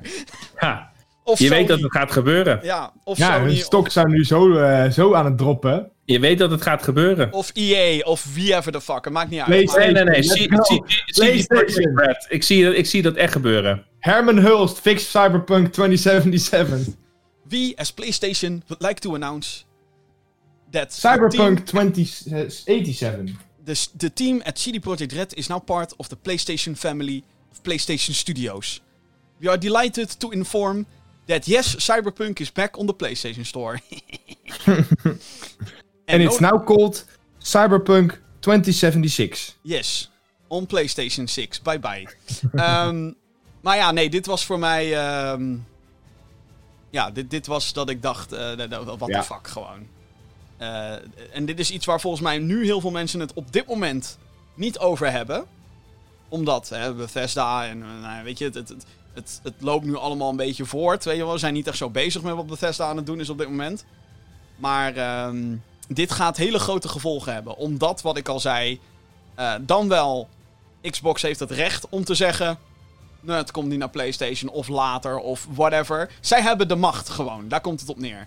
En ehm, dit is een power move die we heel lang in de console wars niet meer hebben gezien. En I love that shit. Smijt maar met geld. Maar jongens. echt, maar echt. Hou je er echt van? Ja, ik denk het wel. Ja. Maar dat komt ook, ik denk dat dat met name met, met deze move komt, dat omdat ik toch alles al op PC speel, weet je wel? En Ja, alles, precies, En precies. alles is, eh, eh, alles wat Xbox doet, komt ook naar een PC en daar gaan ze echt niet van afstappen. Nee. Ehm, dus ja, ik vind het allemaal prima, joh. Ja, dat is dan misschien lullig voor die PlayStation gamers, maar I, I don't care. Nee. Eh, en het is natuurlijk niet zo dat, dat nu ineens, want ze hadden twee titels. Dat was ook zeg maar, die timing was heel grappig, omdat Bethesda nu twee titels tijdelijk exclusief voor Xbox of voor PlayStation heeft. Dat zijn Deathloop en Ghostwire Tokyo. Dat zijn twee games die komen op zijn minst dus tijdelijk exclusief naar PlayStation en PC. Eh, maar niet naar Xbox. Maar die games worden dus straks gepubliceerd door dan wel staat er gewoon bij Bethesda. Of er staat gewoon kaart bij Xbox Game Studios op de PlayStation Store. Dat zou wel echt een dik move zijn als ze dat. eh nou ja, ze, ze, ze mogen het. Zij publiceren het. Zij, Ja, Het is van hun. Dus, eh, eh, ik zou dat, het echt heel lauw vinden als ze dat doen. en dat, is, dat is wat ik nogmaals zeg. Dat is een power move. Want dat betekent dat als jij dus games eh, koopt op een PlayStation. dat Xbox daar geld aan verdient. Ja. Dus eh, dat... eh, Ik zou het heel lauw vinden als ze het doen. Ja, ik denk het ook. Ja, ja zou, zou ik ook vinden. Dat is wat ik wil zeggen. Goed, ehm, de volgende award. En die heeft ook te maken met de muziekje die je vaker hoort in de podcast.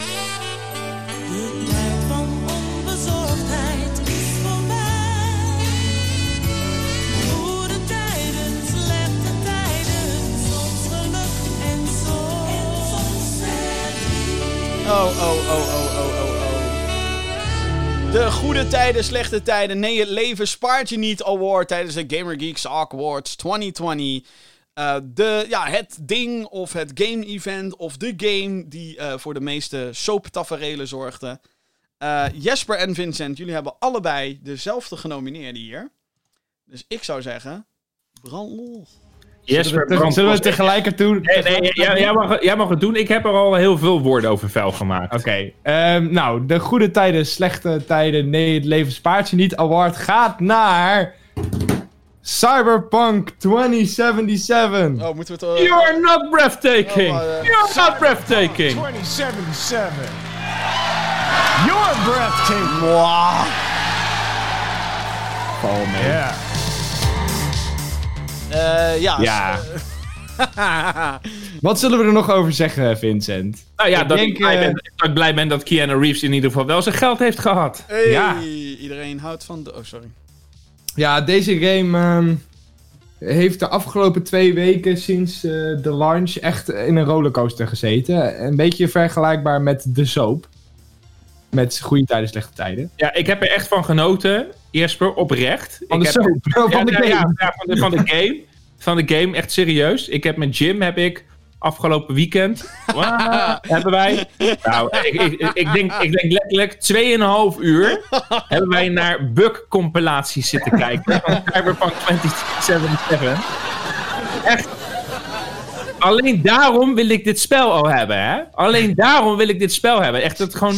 Hoe ver kan je gaan? Wat kan je allemaal uitvoeren? Wat, wa- wa- door welke grond zak je wel heen? Door welke grond zak je niet heen? Het is een groot mysterie. Ja, nee, het- ik ben echt oprecht. eh, ik, en dan lieg ik niet. Oprecht ben ik benieuwd naar hoe ik dit spel kan, nog meer kan breken. ja, echt waar. Ik, heb echt, ik, ik voel een soort van energie voel ik in me opkomen. Ja. En dat ik denk van, eh, kom maar op. Ik wil gewoon op mijn safe bevel. Maar, maar dat is het probleem van dit spel. Door wat ik heb gezien nu, en ik had het eigenlijk niet moeten zien. Ik bedoel, Jim vertelde me over de bugs. En toen, bij het intypen van de video's op YouTube wist ik dat ik de doos van Pandora al had geopend. en ik kan niet meer terug. Ik heb nu gezien hoe dit spel in zijn slechtste vorm eh, is. En ik zou dit niet normaal meer kunnen spelen. Ik zou dit echt alleen maar kunnen spelen eh, om gewoon te kijken hoe ik dit spel eh, eh, helemaal kapot kan maken. Ja, ja, ja. Nou ja, dat is onderdeel van de soap geweest natuurlijk. En waar het nog in verder ging was natuurlijk dat hij inderdaad van de PlayStation Store af werd gehaald. Dat iedereen massaal ging refunden. Dat, eh, dat ge- geneuzel met de reviews. Dat de reviewers alleen PC-codes kregen en geen, eh geen Nou ja, dat is inderdaad wat, wat een hele soap werd natuurlijk. Het was Dat is de hele soap inderdaad. een super shady... Eigenlijk gewoon... Deed niet, deed niet onder voor shady shit die EA zou poelen, die Ubisoft zou poelen, die Warner... Nee. Gewoon, Klopt. het deed niet onder voor die shit. En, en toen die eerste reviews uitkwamen van... We mogen geen eigen beelden gebruiken. Mochten alleen PC. Toen dacht ik al... eh, wat is hier aan? Er is... eh, Oeh, er is iets aan de hand, jongens. Ja, En ja. I don't like it. En het was ook vooral de manier hoe reviewers erover spraken. Want wat bleek nou? Ik vind het ook trouwens heel opvallend, achteraf natuurlijk allemaal, dat alsnog Cyberpunk van heel veel publicaties een 9 out of 10 kreeg. En ehm, zo zie je maar weer hoe vertiefd eigenlijk het hele reviewproces kan zijn wanneer een uitgever zoveel macht eigenlijk heeft. Want van wat ik ervan begreep, is dat de, ehm, dat de persoutlets kregen een week om de game dus te spelen, alleen op PC. Ja. Maar waarschijnlijk mochten ze het ook over allerlei dingen niet hebben in verband met story spoilers. Ja, ze mochten, geen, eh, ze mochten geen eigen gameplay laten zien. ze mochten ook geen eigen gameplay laten zien. Dus het is allemaal het, het, het super eh, controleren van een boodschap. Die natuurlijk, als die boodschap uiteindelijk eh, zeer beperkt is. Ja, dat, dat, dat zorgt gewoon voor keiharde backlash. En het, wat deze soap voor mij dan heel interessant maakt, ook al heb ik hem niet genomineerd. ehm, maar is dat het, nou, de afgelopen paar weken gaat het niks anders dan over shit die fout gaat bij Cyberpunk. De safebug, de investeerders die rechtszaken aanspannen, de game die dus van de fucking PlayStation Store wordt afgehaald, allerlei grote Amerikaanse retailers die zeggen, ja, breng maar terug, breng maar terug, want anders worden wij ook gesuwd, want zo werkt dat natuurlijk in Amerika. Ehm, eh, ja, gewoon allerlei. Het is nog nooit gebeurd dat een, een uitgever of een partij met zo'n hoge, bijna onmiskenbare goede reputatie binnen een week zichzelf compleet naar de kloot heeft geholpen. Ja. Ja. En vandaar dat hij verdient de goede tijden, slechte tijden. Nee, het leven spaart je niet award. Ja. Ik ehm, heb een andere genomineerde. En het is een game waar we het, ehm, verrassing, net ook al over hadden, maar dan in een iets wat andere vorm. Mijn genomineerde voor de Goede Tijden, Slechte Tijden, Nee, Leven Spaart Je Niet Award is ehm voor The Last of Us Part 2. Yay! Yay! En dan ook, nou, het is eigenlijk, jij benoemde het net al, de drama rondom deze game. Wat een fucking soapserie is dat, zeg. De tandjes, de tering, godsamme. Ehm, en ik heb hier, ik heb hier wel, eh, eh, uiteraard heb ik hier een mening over. Nou, Jim. Brandlos. Wij gaan Jim even zonder koffie halen, mening. Dat zou, eh, ja. Wij gaan even koffie Ah, kijk. halen. Toen The Last of Us Part 2 uitkwam, eh, en je merkt het nu ook met de Game Awards, hè, de, de officiële Game Awards van Jeff Keighley. Die game pakt alles. En compleet onterecht, als je het aan mij vraagt. Ehm, en er is een... weet je, Er zijn heel veel dingen geweest waardoor de wereld in tweeën gesplitst lijkt te zijn. Weet je wel, je bent of pro Black Lives Matter, of je bent meteen anti-Black Lives Matter en dus een fucking tyfus racist. Hè, je bent of je, als je voor Zwarte Piet bent, ben je een fucking fascist en wil je dat iedereen ziet branden, bla bla bla. Of je bent tegen Zwarte Piet, maar dan haat je ook alle. Weet je, dat. Voor vaccinatie, tegen vaccinatie. Exact. Voor mondkapjes, tegen voor mondkapjes. Voor Star Wars, tegen Star Wars. Juist! Voor RTX on, RTX off. Het is één van de twee, denk ik. Nee, maar dat is. De, de, die verdeeldheid onder de gaming community werd zo duidelijk. In de periode rondom The Last of Us Part 2 dat het uitkwam. Dat de, dat de story spoilers leakten. Waardoor mensen natuurlijk al meteen hun oordeel klaar hadden. En ehm, die ga ik hier niet delen. Want er zijn mensen in dit gesprek die The Last of Us 1 nog niet eens hebben gespeeld. Laat staan 2. Ehm, Hallo. maar ehm, ja, ik vond dat een eh, hele opvallend, opvallend iets om naar te kijken. Ook omdat ik er dus tussenin zit. Ik vind, niet dat, ik vind absoluut niet dat The Last of Us Part 2 10 out of 10 verdient. Fuck off. Ik vind dat je als, als criticus echt niet kritisch naar een game kijkt als je die game 10 out of 10 geeft. Eh, en dan kan je sommige dingen nog net zo mooi vinden, maar ik vind dat er gewoon... Natuurlijk, ik vind, daar, daar houdt het eigenlijk al een beetje bij op natuurlijk, maar er zijn dingen zo daadwerkelijk ehm, gewoon slecht gedaan in die game, dat ik denk, een 10 out of 10, hoe? Leg me dat uit. Of niet, whatever. Ehm, maar het is de discussie die eromheen vervolgens kwam. Want heel veel mensen waren natuurlijk... Hoe durf je deze game een 10 out of 10 te geven? Het verdient een 0 out of 10. Nou, zo ben ik ook niet. Ehm, maar het was vooral de verhalen die daar vervolgens weer allemaal omheen kwamen. Zoals dat eh, er toen een hele discussie opkwam... over hoe pers games reviewt. En hoe het bijvoorbeeld niet zo is, beweren de journalisten op dat moment, dat als je een game een slechte recensie geeft, dat dat geen gevolg heeft. Dat stel dat pers The Last of Us een slechte IGN, ik noem even gewoon de grootste meteen, lekker voor het gemak. Stel IGN had The Last of Us Part 2 geen, ik weet niet eens wat ze echt hebben gegeven, maar waarschijnlijk fucking hoog. Ehm, maar stel zij hadden die game een 7 out of 10 gegeven of zo, wat iedereen dan als fucking laag ziet. Ehm, dan was er niks aan de hand geweest. Eh, zij beweren dat als zij dat zouden doen, dat dat dan vervolgens geen gevolgen zou hebben voor hun review copies bij Sony. Dat is wat ze zeggen. En nou is dat misschien ook wel zo. Voor IGN, no shit, want IGN is heel groot. Maar dit vond ik heel interessant, is dat die discussie dus ook op gang kwam. Omdat ik, en ik mag zeggen wij met Gamergeeks, hebben, echt- hebben meegemaakt dat als wij een negatieve recensie geven over een game, dat ons vervolgens toegang wordt ontzegd over andere titels. Dus iedereen, bij deze, iedereen die beweert, elke zogenaamde journalist, elk zogenaamd lid van de belangrijke videogamepers, als jij het afgelopen jaar beweert, maar reviewscores eh, hebben helemaal geen invloed of je wel of geen dingen krijgt van een publisher, bull fucking shit. Want I'm there. Ik ben het fucking levende bewijs. En er zijn meer dan genoeg fucking uitgevers. Ik ben ook een levende bewijs! Juist, Vincent. Jesper, jij ook. Jij ook. Jij ook, Vincent. Uh, Jesper, je hebt je, jou hoort erbij.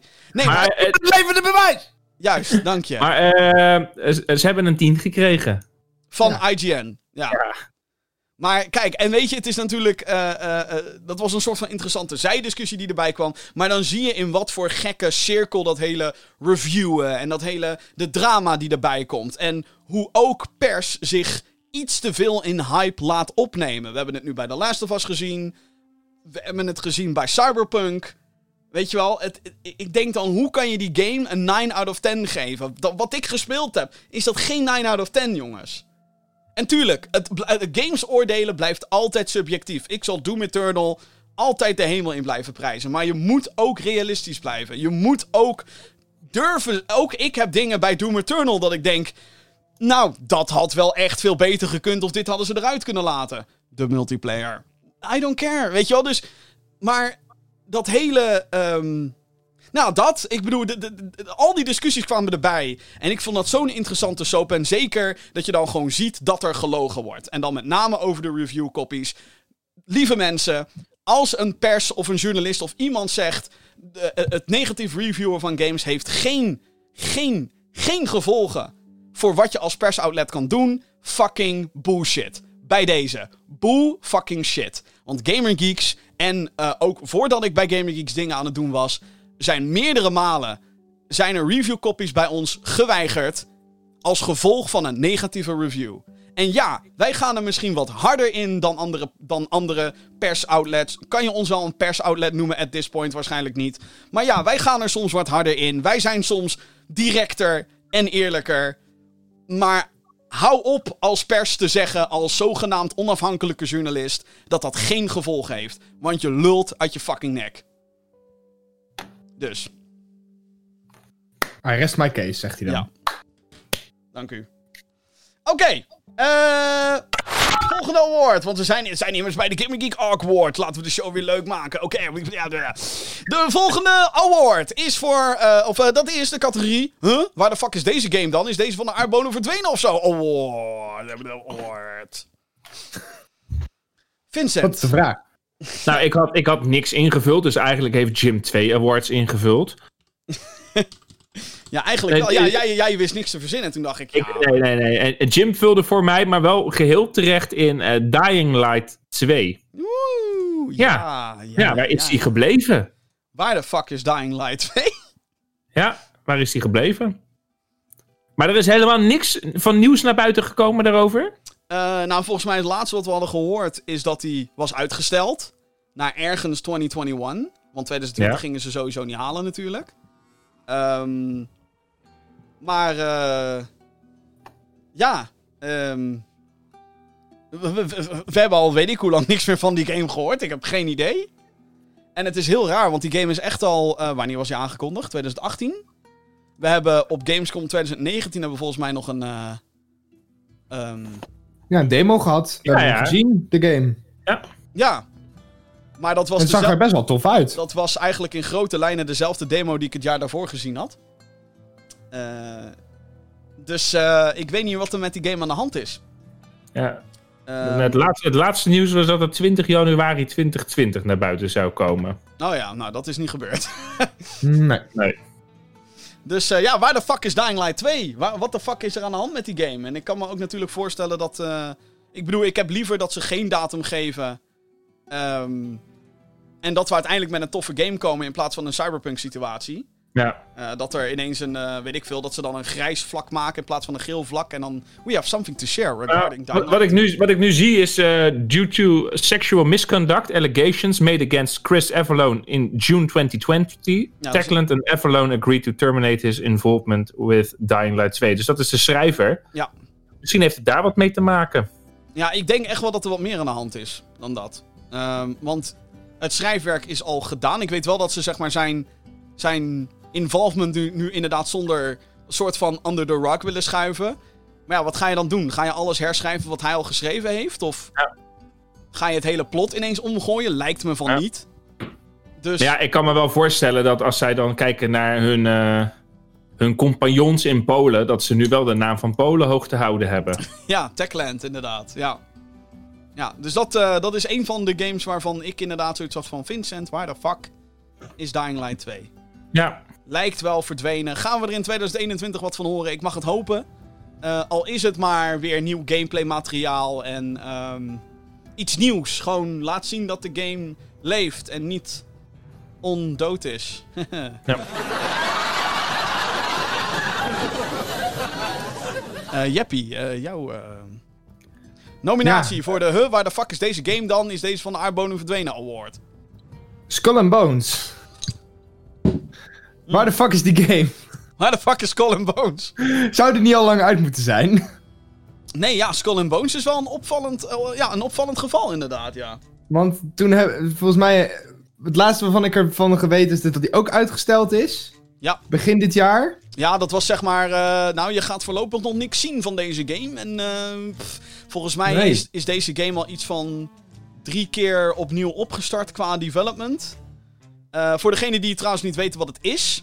eh, wat ik er in ieder geval van heb gespeeld, is dat Skull and Bones een pirate game is van Ubisoft. Maar het is een pirate game. ehm, een beetje. Nou, het is eigenlijk gewoon de Assassin's Creed bootstand van deel 4. Maar dan multiplayer. De, de, mode Assassin's Creed multiplayer. Dat is wat Ja. ik heb gespeeld. En ehm, ik zat Dus het is, het, het is, eh, het is ongelooflijk simplistisch, zeg maar. Nou ja, zo wil ik het ook niet noemen. Maar het is wel dat natuurlijk de groundwork en het meeste animatiewerk ligt er al. Want het is gewoon Mhm. Assassin's Creed 4. Eh, dus ja, ik, ging, ik was mij inderdaad op een gegeven moment ook wel aan het afvragen met...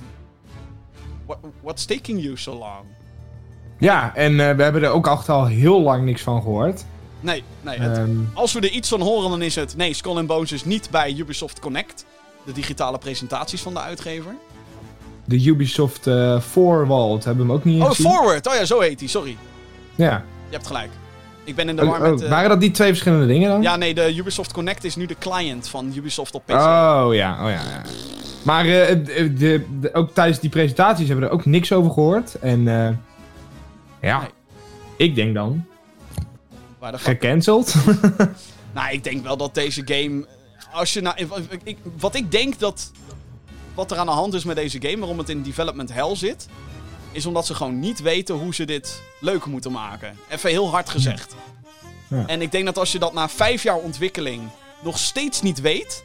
Of je hebt gewoon nog steeds geen core loop waarvan je kan zeggen... Nou, dit gaat verkopen. Hou er dan inderdaad gewoon mee op. Hou er gewoon mee op, jongens. Het maakt niet uit. dat lijkt me inderdaad gewoon beter at this point. Ja. Want, ja, ik, heel eerlijk, ik, als, als het uitkomt zoals jij het, het beschrijft en het, en, en het hebt gespeeld, dan denk ik dat het een enorme flop gaat worden. Nou, dat, ik denk dat ze dat ook weten. Maar inmiddels is dus die, die development weer opnieuw gestart. Maar dan denk ik, wat ga je er nu van maken dan? Wat, eh, ga je dan een echte pirate game maken? Een echte singleplayer open world pirate game? Of, of wat dan? Weet je wel? Wat... Maar Ja. dan heb je het weer over een compleet ander type spel. Dus dan... Wat? Ja, want En- in die zin, want je, je, heel grappig, je draait het muziekje ervan, maar je moet concurreren met Sea of Thieves.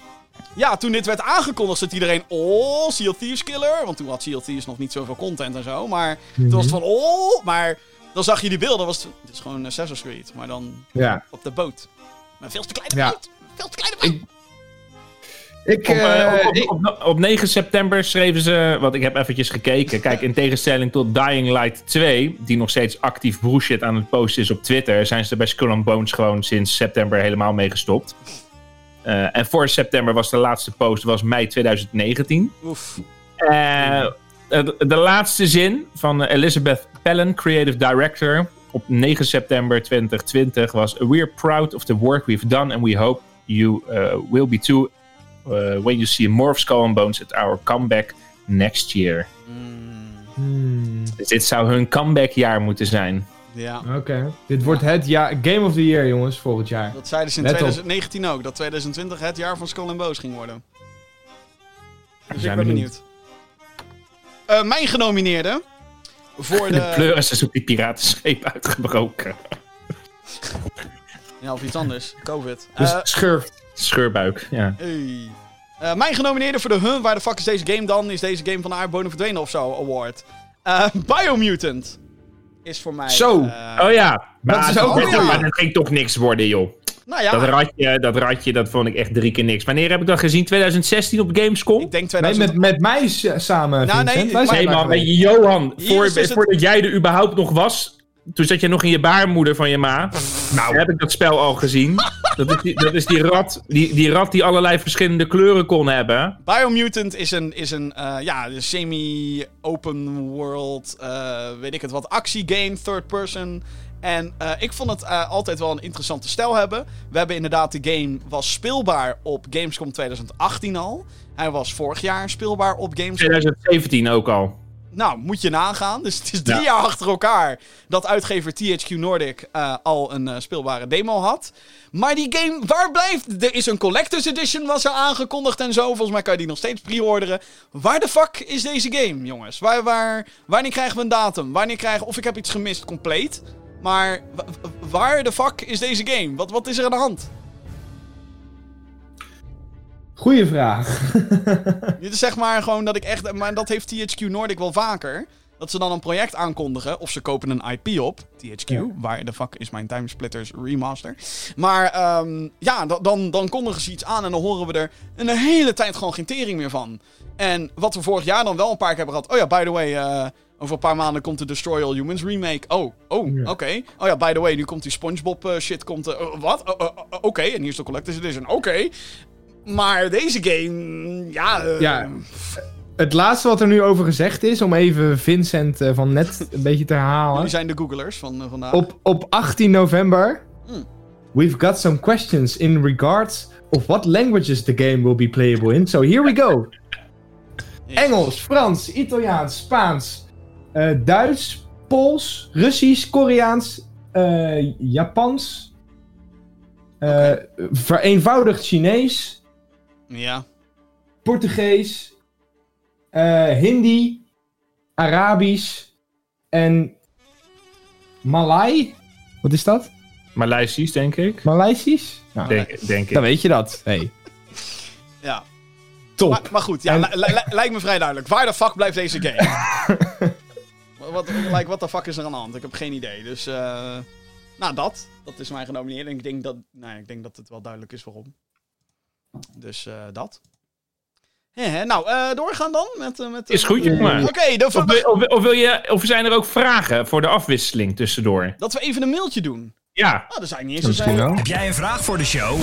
Mail naar podcast.gamergeeks.nl Waarom niet? Why not? Zeggen ze dan van een of andere reclame. Bij nut. Eh, dat is goed. Oké, laten we even. Nou ja, daar is hij hoor.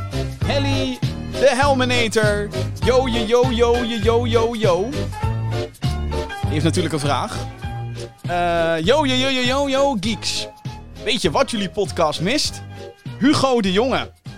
Daarom de volgende vraag. Als de coronacrisis is opgelost en de verkiezingen voorbij zijn, is Hugo de Jonge werkeloos. Welke game zouden jullie hem aanraden terwijl hij wachtgeld aan het binnenharken is? Tot volgend jaar, Helly de Helminator. Zullen we Hugo uitnodigen, Jim? Hugo de Jonge in de Gaming Geeks podcast. Lijkt me wel gezellig. Minister van Volksgezondheid even over... eh, Trekken we ook een, eh, een biertje open? dat zou... Ik, ik zou hartstikke voor het idee zijn. Dus als iemand... Als iemand... de contact- Weet waar die woont? Nou ja, nee, nee, nee, nee, nee. We zijn geen stel boeren die even bij hem gaan aanbellen, hè, verdomme. Oh, oh. Maar als iemand eh, eh, eh, ja, ons in contact kan brengen met het ministerie van Volksgezondheid, en dus met Hugo de Jonge. Ik, eh, ik zou dat heel grappig vinden, ja. Nou ja, hij kan gitaar spelen, dus we kunnen vragen of hij de Last of Us tune wil, eh, wil gaan oefenen. Dat hij even Eddie verder eh, covert. Ja. If I ever were to lose. Ja, en, en, en dit is Misschien, natuurlijk ook... Vincent, Ja? misschien dat hij eh, Plague Inc. moet Ja, ik had hem al, ik had hem al klaarstaan. ik had hem al klaarstaan. Ja, dat is, ja, het was een inkoppertje, Jeffrey, maar ik had hem ook. Plague Inc. Ja, dat is een game waarbij je dus een virus moet eh, verspreiden. Oeh. Geen gevoelig onderwerp verder. Maar eh, ja, nee, ik eh, ben helemaal... eh, Ja, wat zou Hugo de Jonge moeten spelen? Of, of, of, of Batman. Hey. Ja, of... ehm hmm. Ik zou het wel heel lauw vinden als hij gewoon een potje Fortnite zou doen of zo. Gewoon Jurassic World Evolution. Oh ja. Ga maar Of. Surgeon, Simulator. Dat is ook een goeie, ja. Maar dan wel de multiplayer variant, deel 2. Dat hij dan met Rutte en met Irma... Even in de... Kunnen ze meteen gebarentolk oefenen in de sur met die Surgeon Simulator handjes? Hè? Is er ook een In game... VR ook. In VR. In VR. Is er ook een game waarbij je als hamster speelt? Eh Hamsteren. Geen idee. Krijg je binnen Hamtaro, de game. die gare ziekenhuisgame. Hospital. Oh, eh... Two Point Hospital. Dat zou ook een goeie zijn. Oh ja, ja, ja, ja, Ja.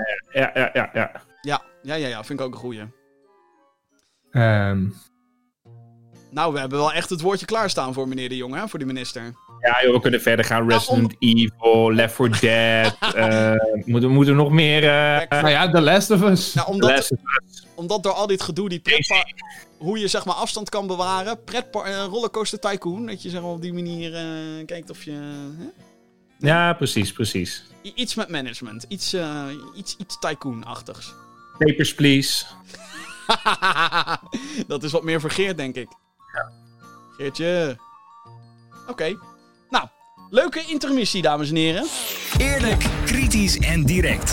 Dit is de Gamer Geeks podcast. Gaan we door met de volgende Gamer Geeks Arc War- War- War- War- Award. En de volgende is eh, de categorie Game van het jaar die ik absoluut niet ga spelen, maar dat ligt niet per se aan de kwaliteit van de game award. Zal ik beginnen? Ja, doe maar. Nou, in deze categorie heb ik eh, zelf genomineerd F1 2020. Ik heb helemaal niks met Formule 1. Ik heb eh, eh, nog minder met simulatiegames. Of eigenlijk zitten ze een beetje aan, op hetzelfde niveau wat betreft eh, niet Karen. Eh, maar eh, van wat ik continu hoor van F1 2020... en hoe hyped alle mensen die wel van Formule 1 houden... ehm, heb ik zoiets van, nou, dat hebben ze goed voor elkaar. Dat hebben ze goed gedaan. En het Ja. feit dat ze dan bijvoorbeeld een Olaf Mol erbij halen om het commentaar te doen in F1 2020. Ik bedoel, wat ik al zei, ik heb niks met Formule 1, maar ik weet wel dat die gast zeg maar het commentaar doet. Ehm, ja, tuurlijk, dat doen ze bij FIFA ook, I get it. Maar ik vind dat nice touches, weet je wel? Dan merk je dat zo'n... eh, dat, dat, dat F1 2020 helpt om andere potentiële gamers zeg maar, naar gaming toe te trekken. Op een leuke en toffe manier. Eh, en ik ja, heb, ik heb deze game wel gespeeld. Oh. Want ik vind Formule 1 zelf best wel dope. Ehm, en als je van Formule 1 houdt, dan is dit de game voor jou. Ja. Dan, eh, ja, je hebt ook niet het gezeik met speel je Pro, Pro Soccer Evolution. ehm, of FIFA. of speel je FIFA, zeg maar. Nee, er is één F1 game. Dat is de officiële F1 game. Waar ehm, ook de, de FIA, dat is zeg maar de eh, bond die boven de F1 hangt. Dus de FIFA voor de F1. Ex- exact. eh, die eh, zien daar eh, strikt op toe. Dat alles klopt. En dat, dat de, ehm, ja, de wagens dat die, dat die realistisch zijn. En dat alles werkt zoals het zou in het echt ook zou werken. Dus wat dat betreft is het de beste betaalbare optie om zelf in een Formule 1 auto te rijden. En ook een belangrijk iets om, om het nu te geven aan deze game. Is omdat Codemasters nu overgekocht is door EA. Dus we weten niet hoe deze game er volgend jaar bij hangt. Eh, dus enjoy it while you can, zou ik bijna willen zeggen. Niet dat EA altijd maar kut is en zo. Want met Star Wars doen ze tegenwoordig a good job. Dat bedoel ik. Eh, en ze geven dingen uit zoals A Way Out en eh, It Takes Two bijvoorbeeld. Wat fantastisch is. Dus het is niet alsof EA alleen maar kut is. Vind ik persoonlijk dan. Maar ja, je weet hoe, het, hoe EA is met sport. En Formule 1 wordt natuurlijk gezien als sport. Eh, dus eh, je moet niet verbaasd aan kijken als je volgend jaar ineens digitale kaartpakjes moet kopen. Om uiteindelijk als Max Verstappen te kunnen spelen. Dus vandaar dat ik dacht, deze game moet een keer een pluim krijgen. Ook al hebben wij, eh, of althans heb ik er helemaal niks mee. Ja. Oké, Jeppie, wat is jouw nominatie voor... God, die titel. Game van het jaar die ik absoluut niet ga spelen, maar dat ligt niet per se aan de kwaliteit van de game. Award. Doom Eternal. Oké, Ja, ehm, waarom? ik, ik weet gewoon eh, voor mezelf van... Ik, kijk, ik heb, nu op die, ik heb nu die PlayStation 5 hè, met die PlayStation Plus collectie. Ik heb daar zoveel nog om me mee te vermaken. Ehm, om, ehm, ja, om mezelf bezig te houden, zeg maar. Ja. En ik weet zeker dat ik daardoor Doom Eternal misschien nooit ga spelen. Maar dat ligt er dus niet aan omdat de game slecht is. Nee, want van wat ik ervan hoor is dat Doom Eternal echt helemaal te gek is. Van wie heb je dat gehoord? Toch? Toch? Van wie heb je dat nou weer gehoord?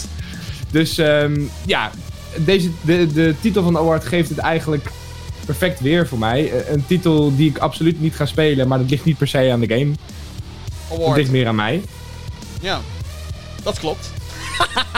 En daarom verdient hij wat mij betreft die award. Ik ben helemaal niet bevoorrecht trouwens als het gaat om Doom Eternal. Dat snap je zelf Nee. ook wel. Jij bent niet biased, helemaal niet. Nee, helemaal niet. Nee. nee, Ik vind het ook helemaal... Ik vind het, ja, bedoel, leuk spelletje, maar... Ja. Het ziet er wel lachen uit op zich. Give or take, weet je. Ja, ja, Ik kan wel zonder. precies. Oké, eh, Vincent, wat is jouw genomineerde voor ehm, Game van het Ja, jaar? Oh, ja. Ja, ik had, ik, had er, ik had er meerdere. En eh, sterker nog, ik twijfel nu nog steeds. Ik heb er nog een derde erbij. Oeh. Ik had, ja, ja, ja. Ik had eh, Call of Duty Warzone. Ja, ja. Ja, jij, hebt- Eh, jij hebt nog pogingen gedaan om die te Ik spelen. heb, ik, heb, ik heb echt ik heb oprecht pogingen gedaan. Maar daarna eh, moest mijn PlayStation moest weer een nieuw gigabyte. En weer updates en dat soort dingen. Dat ik eigenlijk dat gewoon gerage quit ben. Ik heb dat echt diverse kansen gekregen. En toen dacht ik bij mezelf: ja, wil ik dit eigenlijk wel spelen? Dan heb ik eh, Fall Guys. Mhm. Ehm, eh, wat het daarmee is, is dat het, het is allemaal zo. eh, ja, ik weet niet, het is allemaal zo over de top. En het lijkt, me wel, het lijkt me wel leuk, maar op een of andere manier heb ik het toch nog niet gedaan. Ik denk Maar iedereen jij- is er lyrisch over. Ik denk dat jij alleen Fall Guys leuk vindt als je met iemand in een ruimte zit of zo. Denk ik. Die, dan, Ja, die je dan ziet vallen. En dan, ik wil ook een beetje dat meligen Ja. of zo. Is dat het? ja, ja, waarschijnlijk. Ik weet niet precies waar, het- waar het aan ligt. Maar eh, iedereen die is er lyrisch over. En ja, dan heb ik zoiets van: ja, moet eigenlijk toch wel proberen. Maar ik heb geen zin om het te proberen. En de Ja, volgende? en, en- en ja die, die kwam er net bij. Maar ik weet niet of ik hem helemaal erbij mag zetten. Omdat het niet helemaal nieuw is. Maar eh, Persona 5 Royal. Oh, nee, die kwam dit jaar uit, dus dat mag. Oké, nou ja. eh, Dus ehm, eh, dat is ook zo'n type game waar ik super veel goede verhalen over hoor. En waar iedereen, of nou ja, iedereen is een groot woord. Maar hier, ja, mijn, eh, hierboven woont iemand. Dat is eh, mijn broertje. En eh, mijn jongste broer. Ja, en die, die is helemaal, helemaal weg ervan. Die heeft echt zoiets van: dit is gewoon geweldig. Dit, dit wil ik spelen. Dit, hier moet ik mee door. Ja, en dat, eh, ja, ik, en dat is dan weer hè, dat, dat, dat, dat anime-achtige. En dan heb ik zoiets van: ja, ik heb dat wel eens geprobeerd toen in een periode. Nou, eh, dat zal het zijn tien jaar geleden. Toen heb ik dat wel eens gekeken. Maar goed, hij zweert erbij. Hij zweert erbij dat. Dat ja, die, die speelt het ook intensief met zijn vriendin. En hij heeft zoiets van: ja, dit vinden ze helemaal geweldig. Dus dat waren een beetje de drie games waar ik tussen, eh, tussen twijfel. En weet je, Jim, ik zet ze gewoon alle drie erop. Want ik ga ze toch alle drie niet spelen. Nee, precies. Ja, nee, Persona 5 had ik er ook makkelijk op kunnen zetten. Ik hoor inderdaad alleen maar eh, positieve kritieken, maar ik ben sowieso ook niet echt van die anime-stijl. En als ik van tevoren al hoor, ook al speel ik heel veel games die heel lang duren, maar als ik van tevoren al hoor, ja, maar je hebt minstens 175 uur nodig om dit uit te spelen, dan, en ik speel best wel langzaam games, Ja. dan, dan schrikt mij dat toch best wel af of zo. Dit, dit- het is voor mij niet eh, een heel positief iets. Maar eh, ja, dit is inderdaad. Dit is, ik vind dit een hele goeie, omdat ik hier zelf niet op was gekomen. Maar eh, ja, dit is inderdaad zo'n game. Het moet je ding zijn. En ehm, kijk, weet je, al- als een character uit zo'n game al een plekje krijgt in Smash. Dan weet je in ieder geval dat je met iets iconisch te maken hebt.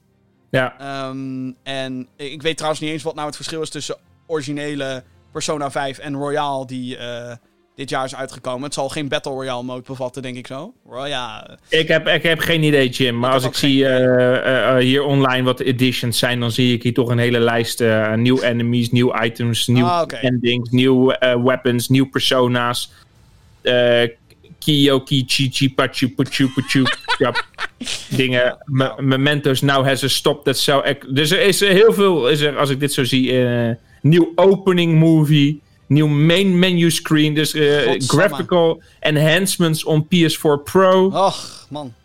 Dus eh, ja, ik zie dat er toch het een en ander is waardoor het de naam Royal mag dragen. Maar ik zal er nooit achter komen. Gaan we naar de volgende award. En dat is de Deze Game verdient verdomme alle awards. Maar heeft bij vele awards compleet en onterecht misgegrepen award. Eh, Vincent, jij had geen genomineerde hiervoor. Nee, nee. En de reden waarom is omdat ik daar eigenlijk gewoon te weinig eh, ehm, eh, nieuwe videogames voor heb gespeeld dit jaar. Om daar echt, echt iets zinnigs over te zeggen. Ik vond dat is niet aan mij. Ja.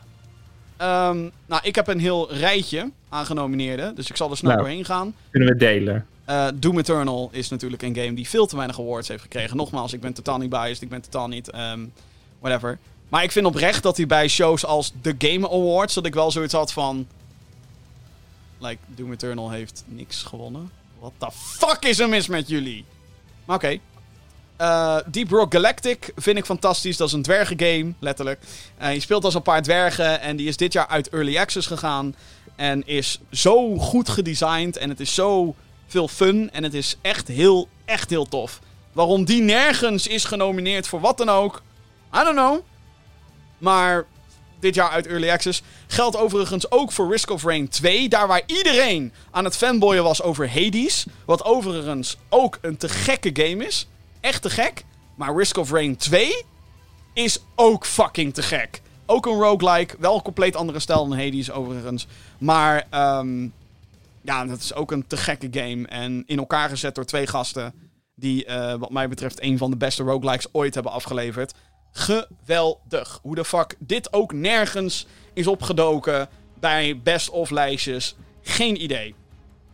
En de laatste genomineerde voor mij is Ori and the Will of the Wisps. Een game die wel her en der genomineerd was. Terecht. Uh, maar toch niet de lof heeft gekregen die het verdient, vind ik. Ik vind dat Ori and the Will of the Wisps een van de betere is in, in, zijn, in zijn genre. Uh, een van de... Uh, het is gewoon een hele mooie game. Het is een game die mij actief liet janken achter mijn PC. Dat is iets wat ik niet graag toegeef als 30-jarige volwassen man. Maar um, ja, dit is een, een fucking meesterwerk, Ori. En dat niet meer mensen dat, dat zien of voelen of whatever. I don't get it. Um, waarschijnlijk heeft iedereen dit gemist of zo. Door Animal Crossing en Doom. En, en daarna kwam The Last of Us. Waarschijnlijk of zo. Fucking onterecht. Ori and the Wills, Will of the Whips. Is prachtig. Ga het spelen. Als je het nog niet gedaan hebt. Oké. Okay. Jeppie. Maar speel wel eerst de eerste game, want dit is de tweede. Wel ja, veel beter. Ja. Dat trouwens ook. Dit is, nou een, dit is hoe je een sequel maakt, trouwens. Alles is beter dan in de eerste. Alles. Zo hoort het bij een deel 2. Just saying. Het is de Empire Strikes Back van de videogames. Ja, just saying, Naughty Dog.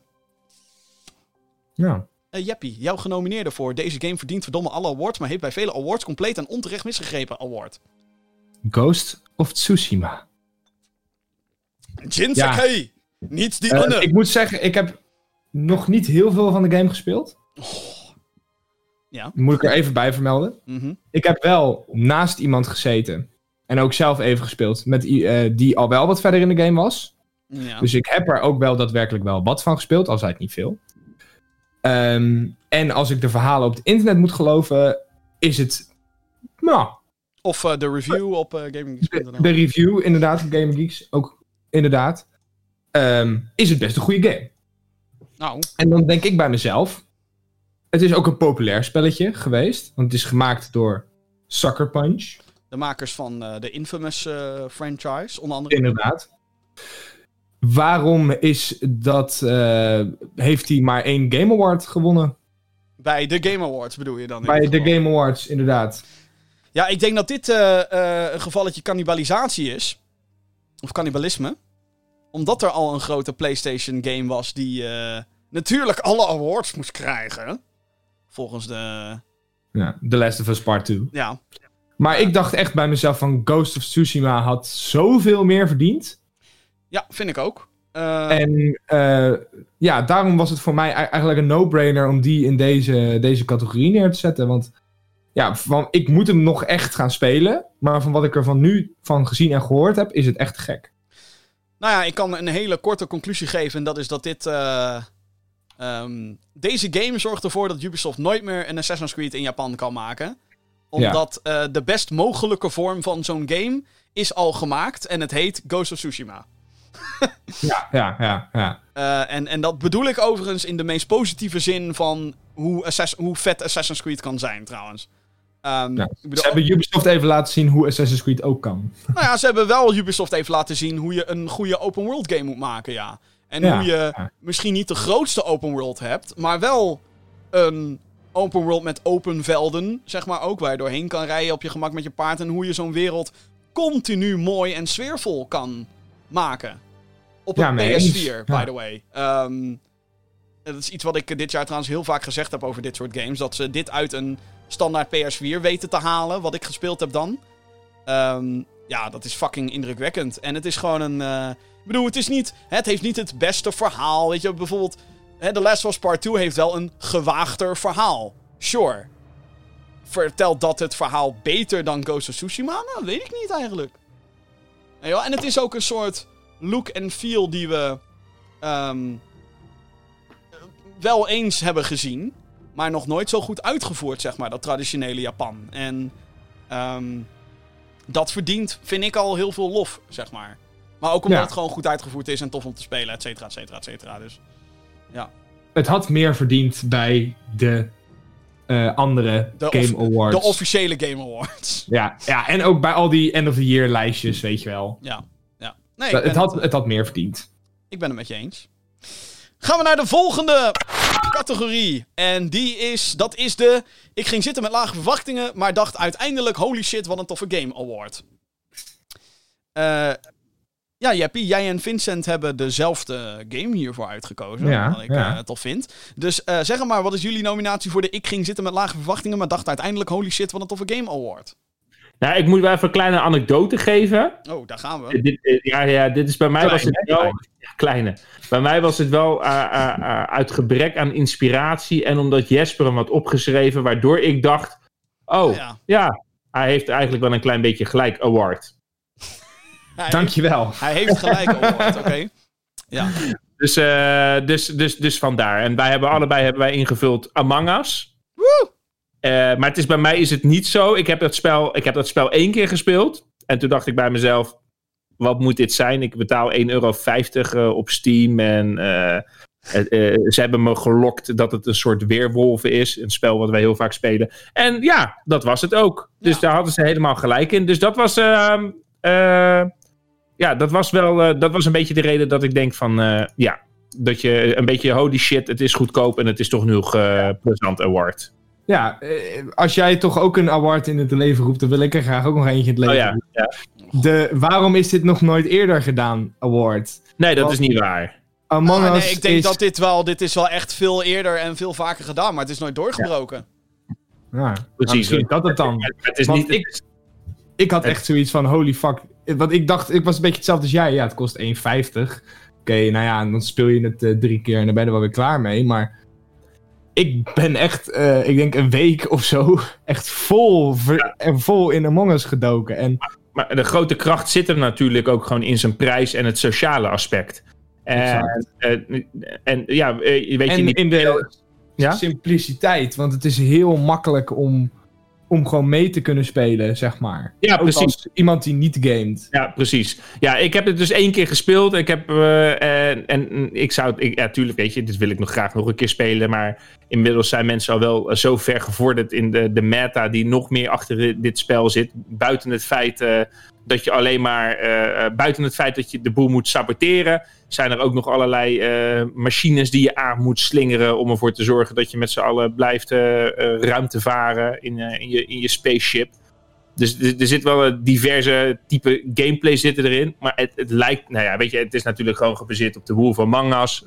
In het Nederlands gewoon wolven of weerwolven van Wakkerdam. En ehm, nou ja, daar heb je ook heel veel, heel veel variaties heb je daarop. Iedereen nu in de war omdat je denkt dat je het hebt over de Telltale game. De Wolf Oh ja, tuurlijk. Dat heb je, oh, die heb je ook nog inderdaad. Eh, maar ja, er zijn natuurlijk allemaal, eh, allemaal verschillende, eh, ja, verschillende varianten die hier Nou, ik denk, bestaan. ik denk wat een groot deel van het succes natuurlijk ook heeft ehm, gebracht, is dat ja, voor de PC en voor de consoleversies moet je een heel klein bedrag neerleggen. Maar op mobiel is hij geloof ik gratis. Ja, En klopt. dat is crossplay met PC. Zo, Dus, oké. ehm, ja, Vin, je hebt 1,50 euro uitgegeven voor jack shit. Nee. Ehm, Ja, maar weet je, dit, dit is gewoon zo'n spel waarvan je zoiets hebt van... En dat vind ik hartstikke leuk dat die jongens daar ook nu nog een succes van... Het is volgens mij de game die het meest gekocht is aller tijden, hè? eh, de- volgens mij meest gespeeld of zo. 500 miljoen, Ja, een half miljard de mensen. meeste actieve spelers op één moment, Ja, dat. ik. 500 miljoen. Dus dat is eh, fucking bizar. In een maand. Was het in een maand misschien? Volgens mij in een maand, ja. Ja, zoiets, ja. Ja, Ja, ja. het is echt... eh, Ja, dat is echt heel veel. ik denk ook wel echt een typisch gevalletje ehm, lockdown. Ja, Eh, succes dankzij de lockdown eh, ook. Dus more power to you, zeg maar. Ja. dus, dus ja, daar heb ik alleen maar... ik heb er alleen maar bewondering heb ik, daar, heb ik daarvoor. Maar, het, maar na het spelen van dit spel... heb ik wel zoiets van... Ja, ik zou eigenlijk Secret Neighbor zou ik ook willen spelen weer. Ja, Of weer, willen spelen, niet weer, maar willen spelen. ja die, die kunnen we gewoon Ehm, doen, Vincent. Kunnen we gewoon doen. Ik weet het, Jim. Ik weet het. Dus, eh, maar dat is wel iets dat ik zoiets heb van... Oh ja, dat... Binnenkort. eh, In de die- Gaming Geeks livestream. ja, maar die wil, die wil ik eigenlijk heel graag spelen, Secret Neighbor. En volgens mij is dat ook een beetje in het verlengde als dit. Ja, volgens mij ook, ja. ja. Een beetje van één iemand is de, de bad guy, zeg maar, Ja, onder de... precies. Maar, niemand weet wie het is. Ja, ja. Eh, een grote succesformule, ja. Oké, dan ga ik naar eh, mijn eigen nominatie voor de... eh, God, hoe heette deze award? Oh ja, ik ging zitten met lage verwachtingen, maar dacht uiteindelijk... Holy shit, wat een toffe game award. Ik heb er twee. Ehm, en een beetje ook cheating, want ik had hier niet per se lage verwachtingen bij, maar je kent mij, hè. Ik ben een, een, een sceptisch iemand. Ik ben iemand die zegt, wees voorzichtig met je hype. Ook al ziet het er tof uit. Eh, en eigenlijk is dit voor mij een plekje waar kan, waarvan ik dan even kan zeggen, deze twee games, tof. Eentje is Command Conquer Remastered Collection. Kijk, zo remaster je een oude PC-game. Het is, het draait vet. Het heeft gemoderniseerde controls, zodat je niet die ouderwetse game dat je denkt, "Ugh, dat werkt niet le- lekker met wat we nu gewend zijn met strategy games. En het heeft alle content die je maar zou willen, inclusief missies die eerst exclusive waren op alleen de PlayStation versie of zo van de strategy game. Dus ehm, te gek. Ik heb dit eigenlijk veel te weinig gespeeld ook. Ehm, dit is een, een, een product die met pure liefde in elkaar is gezet. En dat komt van EA. Daarom had ik er waarschijnlijk lage verwachtingen bij. Ook omdat we eerder dit jaar, eh, of voordat Command Conquer Remastered Collection uitkwam, hadden we de Warcraft 3 Reforged. Wat ook een remaster was van een strategy game. Die was fucking kut. Blizzard heeft dat compleet vernacheld. Dus ik dacht, oh nee, niet Command Conquer ook. Not like this, not like this. Maar nee, het is heel goed. Ontzettend vet gedaan. En ehm, heb je vroeger Command Conquer gespeeld en mocht je die oude sfeer weer willen proeven, maar dan net wat moderner. Ga dit spelen, halen, whatever. Want eh, ze zijn echt above and beyond gegaan om dit tot een toffe remaster te maken. Dat verdient een pluim, dat verdient succes. En dat verdient wat mij betreft meer remasters. Tiberian Sun en Red Alert 2. Let's fucking go. Als je nu denkt, Jim, waar de fuck heb je het over? Dan heb je gewoon de strategy hoogtijdagen heb je gemist. Daarom heb ik een tweede genomineerde. En dat is Crash Bandicoot 4 It's About Time. Dit is een game waarvan ik dacht, de trailers zien er ontzettend goed uit. De trailers zien er misschien iets te goed uit.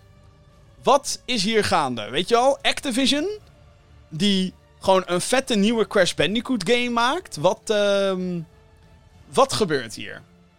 En gek genoeg vond ik een super charmante nieuwe Crash, gloednieuwe Crash Bandicoot game.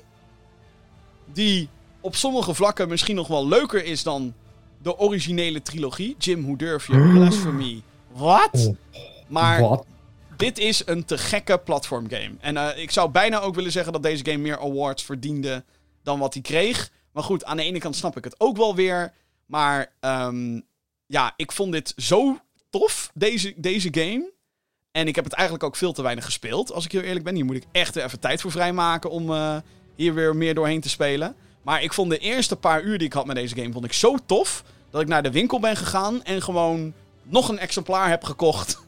voor de vriendin van Vincent. Ja, dat klopt. We hebben wij, eh, ik denk een maand geleden, toen we nog, eh, toen we nog eh, op stap mochten van- gaan... Ja, Dan hebben we die, hebben die game langsgebracht en ze heeft hem inmiddels ook gespeeld en ze is ook erg enthousiast over. Ja. En ja, weet je, zit, ik heb een paar dingetjes heb ik gezien. Kijk, weet je, het is niet eh, mijn type, type spel dit. Het is allemaal, voor mij is het eh, in de categorie eh, chaos op mijn beeldscherm award.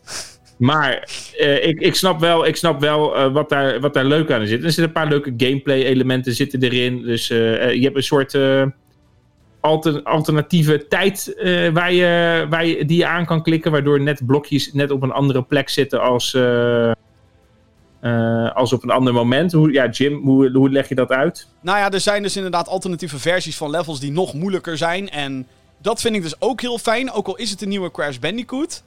This game doesn't fuck around. Deze game kan best heel moeilijk worden. Zeker als je voor alle Ja. eh, extra eh, dingen gaat die in elk level te vinden zijn. Ja, het is eh, ontzettend geobsedeerd door het halen van alle appeltjes. Ja. En alle doosjes in het spel. Dat is echt bizar. Ik zou de helft gewoon geskipt hebben. Maar nee, zij wil echt alles, alle blokjes maar wil, wilt ze halen. En wat ik wel grappig vond, en dat, dat, dat deze game ook zijn moeilijkheidsgraad indirect aanpast wanneer je aan het spelen bent. Ben je bijvoorbeeld te vaak op een moment eh, in de lava gevallen of wat dan ook. Dan spant dus de save box spant eerder. Dus je moet, eh, je moet een route moet je afleggen. En, en dan, dan ga je eigenlijk van safe doos naar safe doos. Maar op het moment dat je toch even net iets te vaak game over bent gegaan, dan eh, komt die safe doos in één keer op een andere plek in het spel terecht. Oh, Vond ik grappig om te zien. Oké. Ja. Ja. Echt heel slim. Wat ik, Ja. nou, wat, wat ik trouwens ook te gek vind, is gewoon de artstijl en ook de, de humor die erin zit. Deze game heeft humor, die ook volwassen mensen... Zeg maar niet van die humor van, haha, is leuk voor kinderen. Nee, ook gewoon, zeg maar, mensen zoals ik. Ja, ik weet niet of dat een hoge standaard is voor je, voor humor, maar... ehm, ook, ik had op sommige momenten gewoon van, oké, dat is eigenlijk fucking grappig. Er zijn bijvoorbeeld eh, van die levels waarbij Crash eh, nog een, eh, een experiment is voor Neo Cortex. En dan maakt hij allemaal gekke opmerkingen als je faalt en zo. En het is. Deze game heeft zoveel charmante elementen. En ehm, het is een beetje net zoals hoe de remastered collectie van Command Conquer een, een liefdevol product is. Ook hier is het, het is geen goedkope sequel. Zo van, oh, laten we gewoon maar een deel 4 maken, joh, hè, voor, voor de munies. En ja, nee, het is gewoon... Ja, het, het is gewoon een hele toffe Crash Bandicoot game. En een, een, een, een bijna... Of nou, bijna. Het is gewoon heel erg waardig dat het de, de, het cijfer 4 heeft. Iets wat ik van tevoren dus echt niet had verwacht. Want ik dacht van, oeh, Activision. De vorige keer dat je dat deed was Tony Hawk's Pro Skater 5. Nou, nee. Gewoon nee. Gewoon, ik wil niet veel meer zeggen over die game. Nee. Mhm. Eh, maar hier denk ik, ja, dit is te gek. Dit is te gek. Ehm, Ja, op, op een of andere manier, en dat mag niet, maar ik heb altijd zo'n Ratchet Clank gevoel bij dit, bij, dit, bij dit manneke. Maar ik weet niet waardoor dat komt. Nou, omdat Ja. dit de mascotte was voor de PlayStation 1 en Ratchet eh, in zijn PS2-tijdperk. eh of Ah. het heeft te maken met dat eh, Crash Bandicoot werd ontwikkeld door Naughty Dog tijdens het PlayStation 1-tijdperk. Ja? En eh Insomniac maakte Spyro. Dat waren een soort van, ja, buddies op de PlayStation 1. Mhm. En op PS2 kreeg je dan natuurlijk Ratchet met Jack and Dexter. Naughty Ja. Dog, Insomniac. Dus misschien dat het daarmee te maken heeft. En omdat volgens mij de ontwikkelaar van deze game... heeft de eh, Spyro Reignited Trilogy gemaakt. Oké. Eh, en ja, die games werden natuurlijk origineel ontwikkeld door de Ratchet Clank. Ik ga nu allemaal linkjes leggen bij Studio Remaster die dit heeft gedaan in Studio zus en zo, blablabla. Maar ik denk wel dat dat soort van komt... Ik denk dat ze daar veel invloeden vandaan halen, laat ik het zo zeggen. Ja. Dus ja, te gek. Crash Bandicoot 4. Eh, mocht je die ook om wat voor reden dan ook niet gespeeld hebben. eh, eh, En je houdt van platformgames, dat moet natuurlijk ook wel. Oké, next up. Volgende award. We zijn er bijna, jongens. denk ik. Bijna, Jim. We zijn Nou. er bijna. We moeten er nog 1, 2, 3, 4. Hoe lang? Eh, Vijf. Vijf. Vijf. Oké. Zes.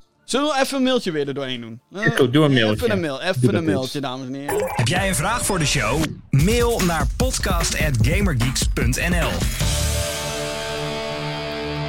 Als jij dus ook een vraag hebt voor de show of je hebt eh, iets toe te voegen aan deze gekke lijst, eh, laat het dus vooral weten via podcast.gamergeeks.nl. Eh, even kijken. Wouter die heeft gemaild. Beste Gamergeeks, hier wat suggesties voor award. Oh god. Eh, de Dit bedrijf moet in 2021 echt even normaal gaan doen award. Deze CD is, Projekt Red. deze, deze is voor een bedrijf slash studio van je dacht, wat de fuck zijn jullie nu weer aan het doen? Nou, ik denk dat je daarmee de spijker op de kop hebt ges... Nee, de hamer op de... Ja, de spijker op zijn kop slaan. spijker op zijn kop hebt geslagen, ja. ja. Ja, ja. De ja, wat moeten we hier nou weer mee award? Voor de CGI-trailer van een in 2020 aangekondigde game. Die zo ongelooflijk vaak was dat je na het zien van de trailer alleen maar vraagtekens had. De ja, wat moeten we hier Ehm. nou weer mee award? Ik had dat met, eh, met. Het ergste had ik dat met. De Dragon Age trailer van de Game Awards. Met de Mass Effect Will Continue trailer. En met de aankondiging van Skate. Waarvan iedereen ineens ervan uitging dat het Skate 4 was. Wat misschien wel zo is, kan heel goed. Maar het kan net zo goed een remake zijn van Skate 1. Dat zijn zeg maar van die aankondigingen dat ik denk... Oké, en dan nu iets substantieels. Zeg maar. Sowieso... Kunnen, we, kunnen we dan eh, ehm, God of War eh, Ragnarok hier ook in rekenen? Ja, mag. Wat mij betreft, mag. Ja. Zeker omdat ik denk dat ze 2021 No Way José gaan halen. Nee. Persoonlijk. Dan, maar dat denk ik. Herman, als ik ernaast zit, neem contact met me op. Kom in de podcast. yes, God of. War will definitely... Nee, dat gaat hij niet zeggen. Ehm, Nee. Als je een beetje in PR zit, dan is dat niet handig om te zeggen. Maar ehm, eigenlijk, en heel eerlijk, eigenlijk heb ik dat bij bijna elke CGI-trailer. Bijna allemaal heb ik dat. Omdat ik met CG, behalve als het een franchise is die al bestaat... Hè, met Perfect Dark tijdens de Game Awards had ik zoiets oké, een Perfect Dark had ik niet verwacht. Maar ja, dan wordt Fable aangekondigd met ook een CG-trailer. En dan denk ik, ja... Ja, een Fable, oké. maar dat ligt natuurlijk ook een beetje aan je eigen smaak en zo. Maar Xbox had daar heel veel last van dit jaar. Heel veel CG-trailers. Met, oh, we zijn hiermee bezig hoor. Maar dan denk ik, ik wil een game zien en geen concept van een game. Gaat fout. Ja. Ik, Ja. ja, ik weet welke. Ik, ik, ik ga hem nog eventjes zoeken. Maar ik heb ook, nu je dat zo zegt, met die rare cinematic eh, game tijdens. Ik ga even zoeken hier. Ik heb, ik heb er ook een. rare cinematic game. Komen Ja, nee, even zoeken hoor. Het is iets met China of Japan of eh, het was heel raar. To- eh, even zoeken. Oké. China of Japan. Geef, geef me even. Oké, eh, gaan wij ondertussen even door. Eh, de Oh My God is deze game echt aangekondigd award. Voor de aankondiging van een game afgelopen... eh, zo. pff. Voor de aankondiging van een game afgelopen jaar waarvan jij dacht... Wat nou, 2020 is een kutjaar. 2020 is een geweldig jaar. Voor mij is dit Hogwarts Legacy. Nou, daarmee slaat hij voor mij ook de spijker op zijn kop. Want dat was eigenlijk degene die ik ook meteen wilde noemen. Hogwarts Legacy was wel echt een te gekke announcement, ja. Ja, daar, eh, die vond ik ook heel vet. Helemaal daar, mee zat, eens. daar zaten hints in van gameplay. Zo doe je het, jongens. Zo doe je het. Exact, exact. Ehm. Oh, weet je wat trouwens een voorbeeld was eh, van die CGI-trailer? Even terug. blablabla. De Suicide Squad game. Wat, wat, wat, wat, wat- oké, een Suicide Squad game met, wauw, de Suicide Squad. Boeien. Leuk. Ja? Oké, eh, de Oh Oh, nog, nog, nog een keer eventjes. eh, Die vorige, hoe heette die, eh, die vage ook alweer? Die, die, die award? De? De, ja, wat moeten we hier nou weer mee, award? Ik had dat een beetje met Resident Evil Village. Oh? Ja. Ja, Voor mij is de Oh My God is deze game echt aangekondigd award. Resident Evil 8 Village. ja nee, dat was bij mij was dat die wel. Dat ik dacht van... eh, ja, ik weet niet. Ik voelde de hype alles behalve. En ik ben echt ontzettend fan van de, van de Resident Evil franchise. Maar ik was daar eh, een beetje sceptisch. Eh, wel had ik de Oh My. God Hype Shizzle Shizzle Award. Dat was de Kena, Bridge of Spirits. Die vond ik echt heel vet. Ja, ja, ja, ja, ja, ja, ja. Daar ben ik wel echt, ja, weet je, dat is zo'n eh, zo'n game waarbij je zoiets hebt van, oh, als hij echt alleen maar op, maar dat, eh, als hij alleen maar op de PS5 zou komen, zou ik misschien daarvoor een PS5 halen. Nee, hij komt type- ook op PS4. Ja, dus dat is niet nodig. Behalve dat Eh, de game... ja, eh, die andere waar ik het... even kijken, klopt dat hoor? Wa- Was dat Ghostwire? Ja, dat, dat was geen. CG, dat had gameplay. Sorry? Dat had gameplay. Ja, maar ik weet, ik, dit was een geval van, eh, wat moet ik hiermee? Ja, Oké. Ja. Ehm, voor mij was een... Oh my god, is deze game echt aangekondigd? De gameplay van Shadow Warrior 3, dames en heren. Ho, ho, ho, ho. Shadow Warrior 3. Verdomme, wat ziet dat er goed uit. Verdomme, wat heb ik er zin in. Potjan Dozie, zeg. Ja, dat snap ik, dat snap ik. Dat, eh, dat zag er echt... eh woef. Zo, da- daar werd ik vrolijk van. Die ja, zou bijna in een andere categorie eh, voor mij eh, erin gezeten hebben. zeg maar. Dus ja, oké. Nou, tot zover het mailtje van Walter. Dankjewel voor de suggesties. Wouter. Oh, sorry, Wouter. Oh, sorry. Wouter, dankjewel. Wouter. Ja, ja.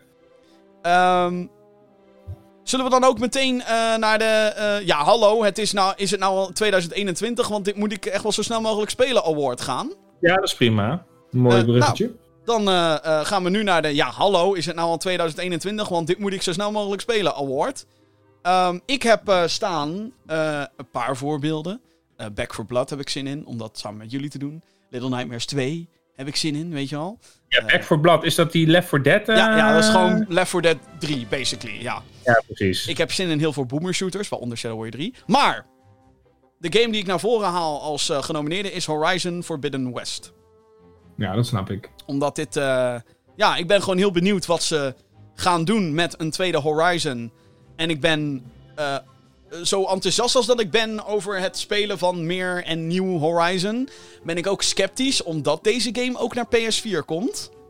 En dat zorgt er natuurlijk voor dat je jezelf best wel gaat beperken, vind ik, als development team. Ik wil gewoon een full next-gen Horizon. En niet eentje die zich laat beperken door de PS4. Eh, tuurlijk, groter publiek, financieel beter, bla bla bla bla bla. Maar omdat het zo is, dat hij ook naar PS4 komt, heb ik dus het vermoeden dat het gewoon een soort Miles Morales-achtig geval wordt.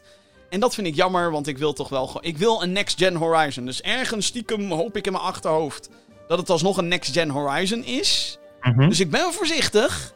Maar ik ben vooral heel benieuwd. Wat, wat kunnen ze meer met Horizon doen? Want die, die game, Zero Dawn, de eerste, was wel echt eh, dat ik dacht... eh, ja, dit is een heel mooi werkje, Guerrilla eh, Boys, daar in Amsterdam. Dus, eh, goed, dat hebben jullie heel goed gedaan. Kunnen jullie er overheen? Dat, eh, veel succes. Het is denk ik ook wat meer eh, nieuwsgierigheid ook dan de, de, de insane hype die ik heb, weet je wel. Bijvoorbeeld voor een Shadow Warrior 3. Daar denk ik gewoon, dat wordt te gek. Dat wordt gewoon fantastisch. Weet je wel, da- daar heb ik dat. En hier heb ik zoiets van, mm, maar ik wil het wel heel graag weten. En Jan, weet je dat? Ja. Ja. Ehm, Vincent, wat eh zijn jouw... Ik had deze even anders geïnterpreteerd. Oh, Ik, eh, bedoel, eh, dus, ik, dus ik ga twee antwoorden. Ik ga vier antwoorden geven. godsamme. Dus, dus, dus, dus oké. De manier waarop jij hem interpreteert, zo van, ja hallo, is het nou e- 2021, want dit moet ik echt zo snel mogelijk spelen. Dus in de categorie van, wat de fuck wil ik heel graag spelen. Eh, dan ga ik zeggen Hogwarts Legacy. En ik zeggen eh, Kena Bridge of eh, wat de hel was het ook alweer? Spirits. Bridge of Dank je, Spirits. Kena, Bridge of Spirit. Bridge of wat de hel is het ook alweer Forbidden West-achtig Ja. dinges. Dus, dus, dus, dus, dus dat. Maar ik dacht, ik had hem eigenlijk geïnterpreteerd als van, ja hallo, het is nou al 2021. Want dit moet ik nog even zo snel mogelijk spelen. Dus dat je iets nog even snel moet spelen voordat het 2021 is. Ja, maar daar hebben we ook al... eh, even kijken, welke hebben we dan nog? Eh, zometeen gaan we ook nog naar de Oeps. Deze zit nog steeds in de seal verpakt, maar ik ga het sowieso spelen in 2021 award. Ja, nee maar, dat, nee, maar dat is anders. Want dat is, deze zit nog in de seal verpakt. Dan is het zeg maar van, ja, weet je, deze zit nog in de seal verpakt. Dat speel ik nog wel in 2021. Daar, daar zit de rush niet bij. Dus het is eigenlijk, ja, hallo, het is al bijna 2021. en eigenlijk had ik deze in 2020 nog moeten Nee, spelen. er staat, hallo, is het nou al... Nou, whatever. Ja, Ja, ja, ja. Het is multi-interpretabel. Het, ik bedoel, Kotzakje was ook niet de slechtste game van het jaar. dat is waar. Ehm, dus in die categorie had ik eh, Ghost of Tsushima en Final Fantasy VII Remake. Dat waren games waarvan ik eigenlijk die dit jaar heel graag had willen spelen. En niet omdat ze nog in de seal zitten. Oké. Ze zitten uit de seal, zeg maar. Ze zitten uit de seal, maar je hebt ze nog niet gespeeld. Ja. Oké, Jeppie. Tijd voor jouw eh, nominatie voor de... Ja, hallo, is het nou al in 2021? Want ik moet dit wel echt zo snel mogelijk spelen award. Ja, we hebben hem al genoemd. eh, Lego Star Wars, de Skywalker Saga. Oh my ja, god. ik heb daar echt heel veel zin in. Dus ehm, zodra die uitkomt, eh, ga ik die lekker spelen in 2021. Hij komt in de lente, geloof ik, toch? Of was er al een datum? datum? Ja, nee, er is nog geen exacte datum. Maar inderdaad voorjaar van 2021. Dus eh, Oké, nou, ik weet in ieder geval voortaan als Jesper ergens heel veel zin in heeft. Als, als hij bijvoorbeeld heel graag ergens naar een feestje toe wil. Dat ik dat even met een korreltje zout moet nemen. hoezo? Kom op, je gaat toch geen Lego op je lijstje zetten? Tuurlijk wel. Ik vind dat leuk, Vincent. Laat me met rust. ik was Ik ook hyped voor Cyberpunk. Ik heb even iets goeds nodig in mijn leven, ja. Als ik terug in de tijd kon, had ik dit heel anders aangepakt, award. Ehm Ik denk van Jesper, denk ik. eh, nou ja, de leuke brug, leuke brug weer. Jesper, Ja. wat is jouw Ja, genomineerde voor de Als ik terug in de tijd kon, had ik dit heel anders aangepakt award? ja dit is Cyberpunk 2077 voor mij. Want eh, ik, was, ik had misschien te veel vertrouwen en te hoge verwachtingen in CD Projekt Red. Joh, Ja, en, eh, nou ja, en daarom zeg ik, als je terug in de tijd kon, had ik het heel anders aangepakt. Met de kennis van nu. dan had je gezegd: Delay! Delay! Ja, Ja, Ja. delay of doe niet pre-orderen deze handel, maar koop hem op Marktplaats. ja. Ja, dat, ehm, ja, dat had ik gewoon, had ik, ja.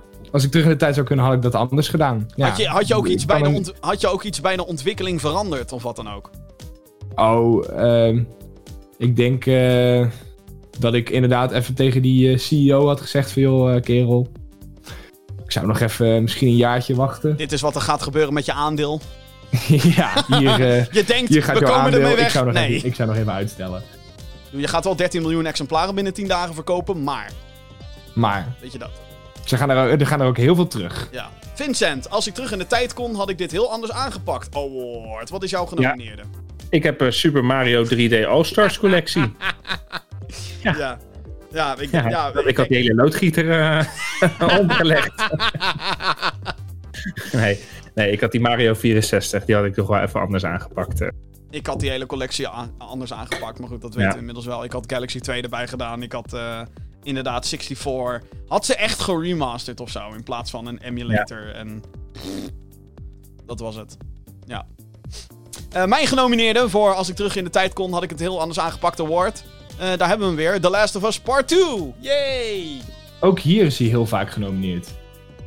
The Last of Us Part 2, ja, maar dan in de wat minder positieve zin, heb ik het idee. Ehm, nee, de reden waarom die eh, bij mij erin staat is omdat ik natuurlijk als enige van dit gezelschap de game heb uitgespeeld. En als ik zeg maar Neil Druckmann een paar jaar geleden kon tegenkomen, zeg maar, de regisseur van deze game, dan had ik toch wel even gezegd: Gast, ehm, doe even dit daar.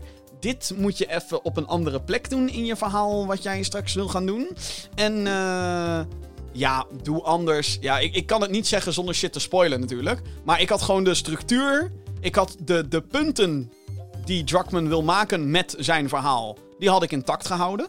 Sterker nog, ik had het einde intact gehouden die The Last of Us Part 2 heeft. Want ook daar hadden heel veel mensen een hekel aan.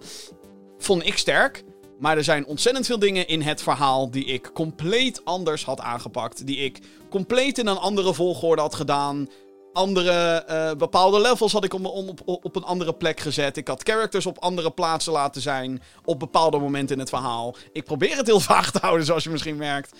Maar ehm, ja, dit, het is. eh, eh, als ik inderdaad die power had van terug in de tijd en iets veranderen. Dan had ik dat gedaan. Want dan denk ik dat we een veel betere Last of Us Part 2 hadden gehad. Die eh, ook niet zoveel discussie had opgewekt. En dan had hij bij mij niet in de kotscategorie gestaan. Misschien, ja, nou ja, dan, had er, dan had, waren er alleen maar. Ik, Oké, hier moet ik voorzichtig. Het is niet alsof mijn versie van het verhaal dan alleen maar fucking praises had gekregen, natuurlijk.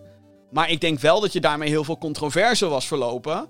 eh, en nog steeds hetzelfde punt had kunnen maken. Want dat is wat The Last of Us Part 2 ook aan het doen is. Die wil een punt maken van bepaalde dingen.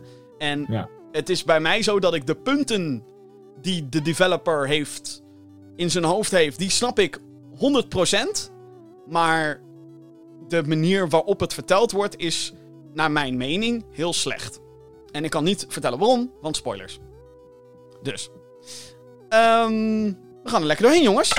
Lekker, lekker, lekker. We gaan naar de volgende. Deze game gaat direct op Marktplaats. En ik ben echt niet de enige. Award. Eh, ja, Jeppie, wij hadden dezelfde. Ja, eh, Marvel's Avengers.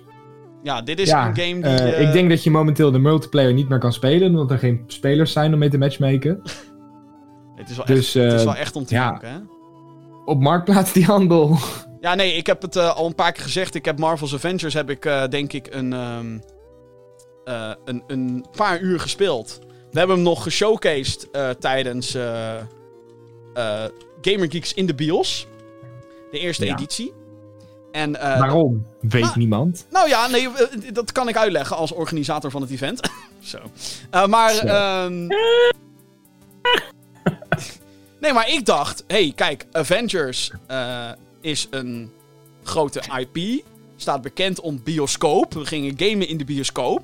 En hoe kan je nou, zeg maar, even lekker gewoon een gamepje even showcase die spektakel biedt en die vet is om op een groot scherm te zien in een bioscoopzaal? Ik dacht, Avengers is dan eigenlijk gewoon een goede keuze. Het was ook een nieuwe release in de week dat we eh, Gamer Geeks in de BIOS deden, de eerste editie. Ehm, dus ik vond dat een hele goede match eigenlijk. Eh, even, Ja. En dan niet oordelend over de game. De- die- dat evenement was niet bedoeld om zeg maar, te oordelen over een game. Het was gewoon om Nee, wat dingen niet. te showcase die potentieel tof zijn of niet. Ehm, maar eh, ja, ik moet heel eerlijk bekennen, na Gamer Geeks in de BIOS heb ik die game nooit meer opgestart en nooit meer aangeraakt. Want ik had gewoon de behoefte niet. Ik had zoiets van, ja, ik denk dat ik serieus binnen die paar uur al alles gezien had. En ehm, ik denk gewoon niet dat er heel veel meer is in dit spel. Ja, er was wel meer als in content en een verhaal, maar het greep me niet. Het was gewoon, en ik, nou ja, wat je inderdaad zegt, multiplayer is zo goed als dood. Eh, niemand heeft het meer over deze game. En als we het er wel over hebben, dan is het omdat er weer een nieuwsbericht eh, de deur uit is gegaan over hoe slecht het gaat met de game. Ehm, dus ja, dit is er eentje die ehm, waarschijnlijk heel veel op marktplaats te vinden is. En ook meteen in de sale ging, weet je wel. Volgens mij is hij nu ook in de... Bijna alles is in de Steam sale trouwens nu, maar... Ja, zelfs de Collector's Edition eh Ja, is oh in ja, de sale. De Collector's Edition ging van 200... Nou, hoeveel is hij nu? 60 euro Eh, of zo? ze- nou, volgens mij ging die naar 97 of zo toen, maar ik weet niet Ja. hoe duur die nu is. Ja. Kijken. De interesse was, kijken. was er gewoon niet. Eh, Vincent, wat is voor jou de... Deze game gaat direct op marktplaats en ik ben niet de enige. Oh, Eh, Animal Crossings, New Horizons. oh god. Nou, je Ja. hebt meteen ruzie met eh, het halve internet, denk ik nu. Ja, dat kan. Dat is leuk. Ik heb de boot gemist. Ik vond het echt een waste van mijn geld en ik wil mijn bol.com kaart terug. maar gewoon, ik heb echt, dat komt echt omdat ik de boot gemist heb. Daarom ben ik zuur. Ik heb dat spel, heb ik denk ik eh, twee maanden later eh, aangeschaft nadat iedereen het speelde. En toen was iedereen er alweer klaar mee. Stond ik daar in mijn eentje op een godsverlaten eiland. Ik denk, ja, wat de fuck doe ik hier? En dan zit je dag in dag uit zit je te wachten totdat, eh, totdat je progressie kan boeken in je eentje. En dan denk ik bij mezelf, nou, weet je, als ik eh, iets in mijn eentje wil gaan spelen, dan kan ik net zo goed Pokémon Go weer installeren op mijn eh, telefoon. Wauw, in je eentje, dat is wel sad eigenlijk. Nee, maar dat, ik vind het een waste van mijn money. En ik ben blij dat volgende week mijn neefje van zes ermee gaat spelen. Oké. Oh, je hebt hem niet op marktplaats gezet. Nee, maar ik denk wel dat ik dat eh, ga doen. Hoezo? Heb, heb jij dan Marvel's Avengers al op marktplaats gezet? Nee, want ik had een digitale code, dus nee, dat gaat niet. Oh ja, precies. Nou ja, ik heb geen digitale code. Dus ik ga, ik ga misschien wel eens even kijken. Ik ga het, sterker nog, ik ga het nu doen. Plaats advertentie.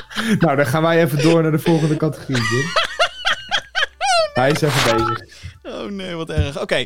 Eh, kijk, hiervoor heb ik nou al mijn zuurverdiende euro's gespendeerd aan de Next Gen Machine Award. Nou, daar heeft Vincent geen, categorie, of geen genomineerde voor, dus dat komt goed uit. Hij heeft ook geen eh, next-gen machine gekocht, dus ja. Nee. Nou ja, hij heeft een Nou laptop gekocht dit jaar. En, eh, Nou, kijk, weet je, ik zou wel zeggen, ik kan, ik kan natuurlijk wel zeggen, voor welke mm, eh, game zou ik eventueel een next gen kopen? En misschien dat dat dan inderdaad toch weer Horizon of eh Kena Bridge of Spirits is. Maar dat, de tijd zal het leren. Lekker. Ja, ja, ja, ja, Jeppie, wij hadden dezelfde ook weer hier. Ja, En dat vind ik ook wel tof. Wij, hadden beide, wij hebben beide gekozen voor Spider-Man. Miles Morales. ja. Dat Ik vind dat je deze game in eh, 4K 60 fps met raytracing moet spelen.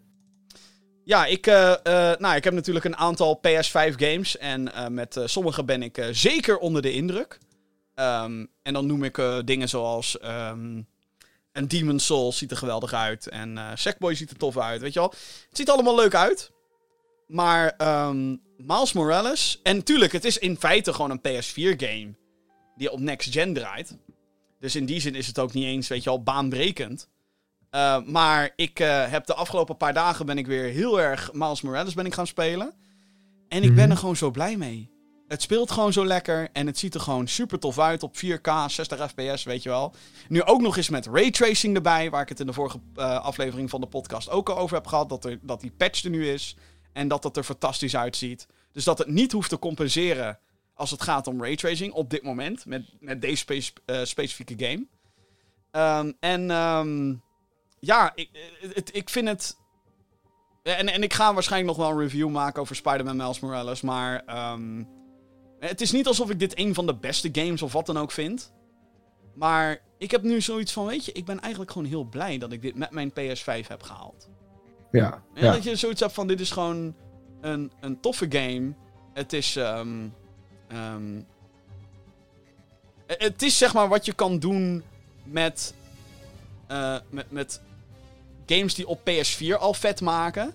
En dat dan next gen.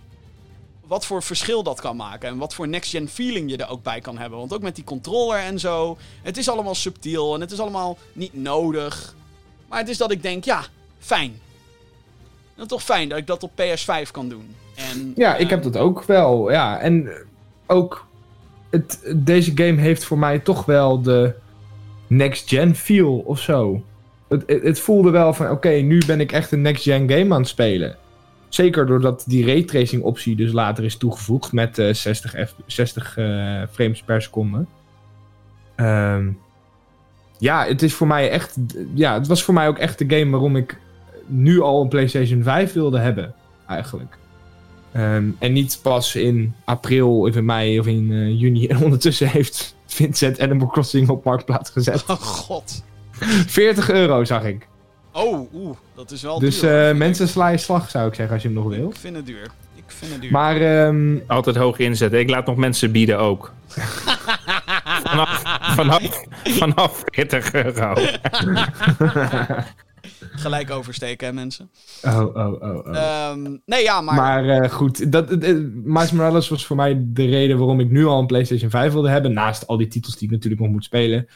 Um, dus ja, daarvoor heb ik al mijn zuurverdiende euro's gespendeerd aan een Next Gen Machine Award. Ja, kijk, voor mij is het een, uh, het halen van een Next Gen machine is omdat ik gewoon heel graag mee wil liften met de hype. Zo simpel is het ook. Mhm. Mm -hmm. En um, ja, het is, ik bedoel, Demon Souls voelt nog minder als een Next Gen game, ook al ziet het er wel meer uit als een Next Gen game. Want de graphics in Demon Souls zijn als je gewoon kijkt naar het detail in personages en zo, is dat gewoon by far mooier dan Spider-Man. Maar ja, Demon Souls is van nature een PS3-titel. En zo voelt het ook, toch? En het heeft niet de next-gen feeling wat jij omschrijft. Um, ik zou bijna ook een goede case willen maken voor Astro's Playroom op de PS5. Ja. Want ook daar krijg je toch echt wel van, oh, dit is heel vet, weet je wel. Maar ja, Spider-Man is dan... Um, tussen aanhalingstekens een echte game. Weet je daar waar Astro's Playroom ook super tof is en moet je sowieso spelen, maar het is een soort van uitgebreide tech demo. En, en een hele liefdevolle tech demo. Een van de beste. Zeg maar de beste packing game sinds Wii Sports, zou ik uh, willen zeggen.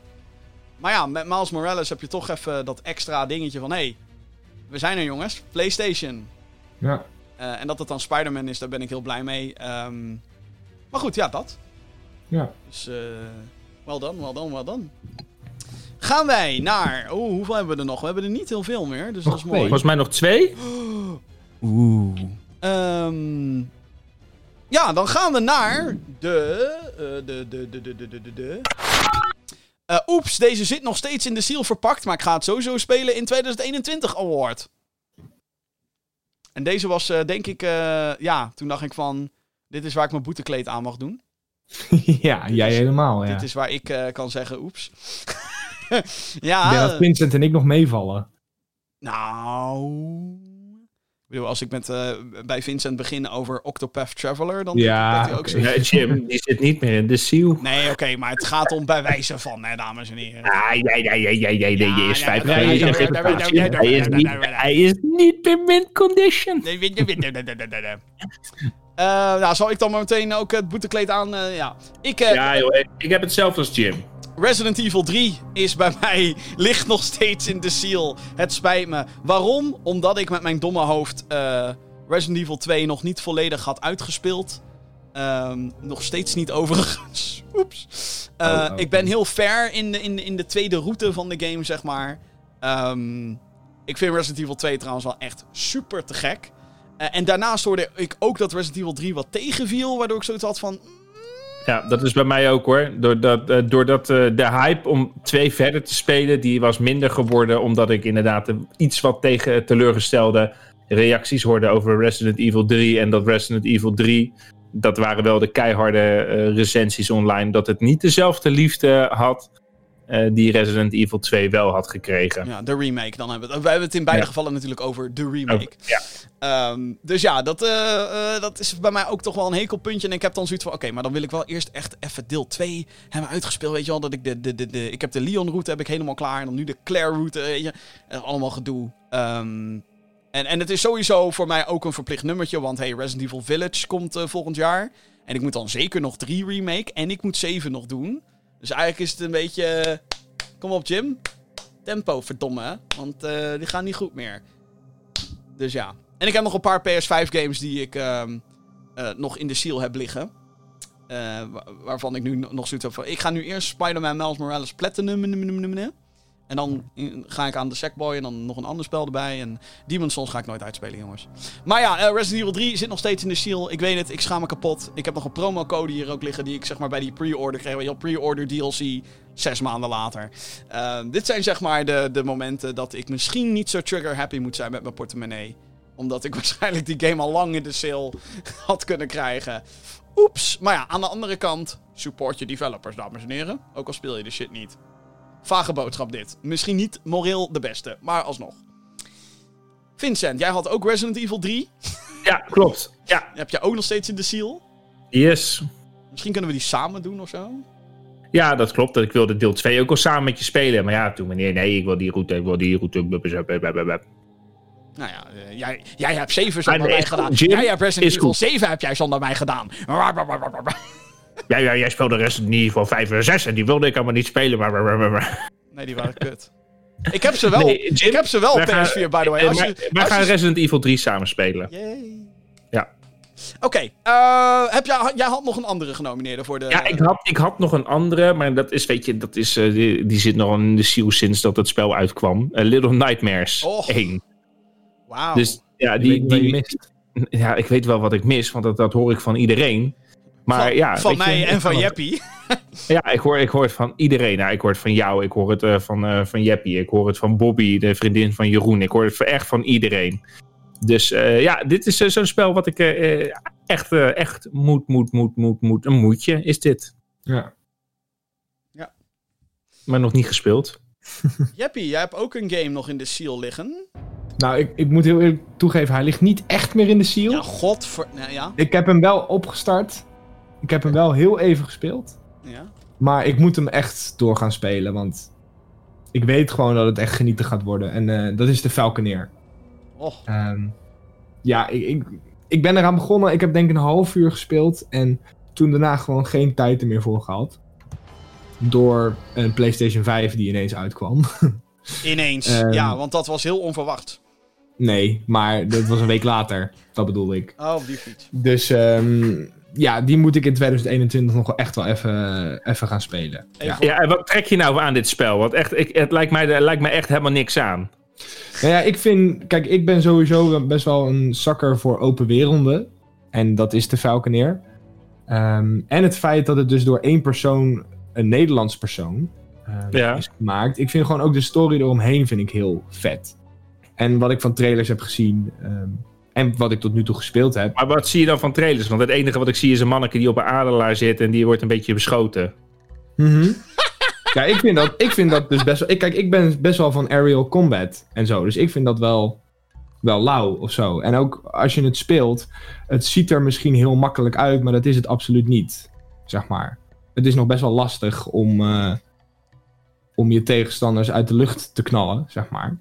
En, En, er wordt ook een aan? verhaal verteld, weet je wel. En dat, ja, waar gaat het verhaal over? Vertel me even wat meer, want echt, ik word gewoon nog steeds maar niet ik heb net een half uur verhaal. gespeeld. Ja, maar je- er is toch een reden waarom je dit spel hebt aangeschaft in eerste instantie, eh, in Nou ja, plaats omdat van ik, alleen op de omdat, trailers. ik, omdat ik gewoon... die adelaar die staat een beetje met, naar wat die adelaar die staat met een of andere doos staat hij te zuilen op de trailers. En dan denk ik bij mezelf, ja, what the fuck. Oké, leuk dat één, één, één manneke het in zijn eentje heeft gemaakt. En god, oh, applausje, het is een Nederlander. Maar echt, wat de hel moet ik, waar- waarom moet ik dit... Waarom, is dit, wa- waarom moet ik het lauw vinden dat je het eh, net, eh, net vijf minuutjes uit de ziel hebt eh, gedaan? En eh, wa- wa- waarom moet ik dit gaan spelen, Jeppie? Overtuig me. Ja, maar ik kan je toch niet overtuigen als ik het zelf nog niet eens heel goed gespeeld heb? Ja, dat is toch een reden waarom je het in eerste instantie aanschaft, vriend. Omdat Ja. het me aanspreekt. Ja, wat, spreek, maar wat spreek je dan aan aan het Nou ja, dat zeg ik net. ben op zich, eh, ik weet niet 100% waar het verhaal over gaat. Maar wat ik hè, ervan gezien heb, dat het tussen allemaal verschillende clans gaat en zo. En over die Falconeers. Dat lijkt me interessant. De wereld lijkt me interessant om doorheen te vliegen. Nou, wat ik tot nu toe gespeeld heb, de mechanics die je moet gebruiken om, om daadwerkelijk te vliegen, zijn uitdagend genoeg voor op de lange termijn. Nou ja, dat zijn allemaal Maar hoe weet je dat? die we... Wat? Hoe weet je dat? dat, Nou ja, ik heb de, ik heb op lange termijn. La, laat maar, Vincent. Nee, nee, Jeppie. Ik ben Ja, want ik oprecht... zeg, hetgene wat ik gespeeld heb, vond ik tof. Ik wil door gaan spelen. Maar ik kan nog niet jou nu al zeggen van, je moet dit echt gaan kopen, want het is helemaal te gek. Ik kan daar nog niet heel veel over zeggen. Ik kan over het verhaal nog niks zeggen. Oké, Van wat ik gespeeld heb. Ik help je even, Jeppie. oké. Is dat... Nou, wacht, wacht even, wacht even. Jeppie, doe even alsof je de telefoon en de hulplijn inschakelt. Ja, even de 50-50. Oké, De 50-50. Jim. Oké, nou wat ik, wat ik in ieder geval ervan heb gezien en heb gespeeld, is dat het mij een hele sfeervolle open world game lijkt. Ik ben niet heel erg verkocht aan het hele open world verhaal, want dat weet je. Ehm, maar ik vind wel de stijl die het heeft, vind ik tof. Heel minimalistisch, heel erg meevliegend. Ehm, maar, eh die, die roll. maar, vlieg met me mee. over land, over zee. Maar ehm, eh, eh, ik, wat ik tof vind is zeg maar dat we niet heel veel aerial combat games meer zien. En Star Wars Squadrons heeft wel een beetje hè, de storm gejat van dit spel. Want hey, je hebt Star Wars. En toen ik de Falconeer voor het eerst speelde, had ik zoiets van... Hé, eindelijk een soort van Rogue Squadron-achtige game. Eh, maar dan met hè, Falcon vogels in plaats van spaceships. Dus eh, Star Wars Squadrons heeft in mijn optiek wel een beetje zeg maar, de hype daarvoor weggenomen. Dus daarom heb ik het ook nog niet heel veel gespeeld. Maar ik vind wel de sfeer vind ik tof. En ik vind gewoon het hele eh, concept vind ik wel cool eigenlijk. Eh, je ziet het gewoon niet heel vaak. Ehm, dus ja, dat, dat zou mijn... Maar oké, ik moet het dus even... Dus dat is voor mij is het wel even helderder. Dus ik moet het gewoon vergelijken met Star Wars... die door één vent is gemaakt met dan met vogels. Nou, dat is hoe ik het zie. Eh, eh, eh, en Oké, nou, nou, snap, ik- nou snap ik wel waarom je dit kan dikken. Ja, kijk, weet je, ik snap niet wat ik zie. Ik snap niet waar ik naar zit te kijken. Nou, kijk, ik snap ik, ik niet denk wat hel... wel, als, als je de minimalistische stijl van de Falconeer niet tof vindt, dat je dan deze game ook gewoon niks gaat vinden. Dat denk ik wel. ja, nee, dat, dat, dat, dat, dat, daar heb ik het niet over. Maar ik wil, gewoon, ik wilde oprecht gewoon weten wat dit is. Ja. Want ik snap er niks van.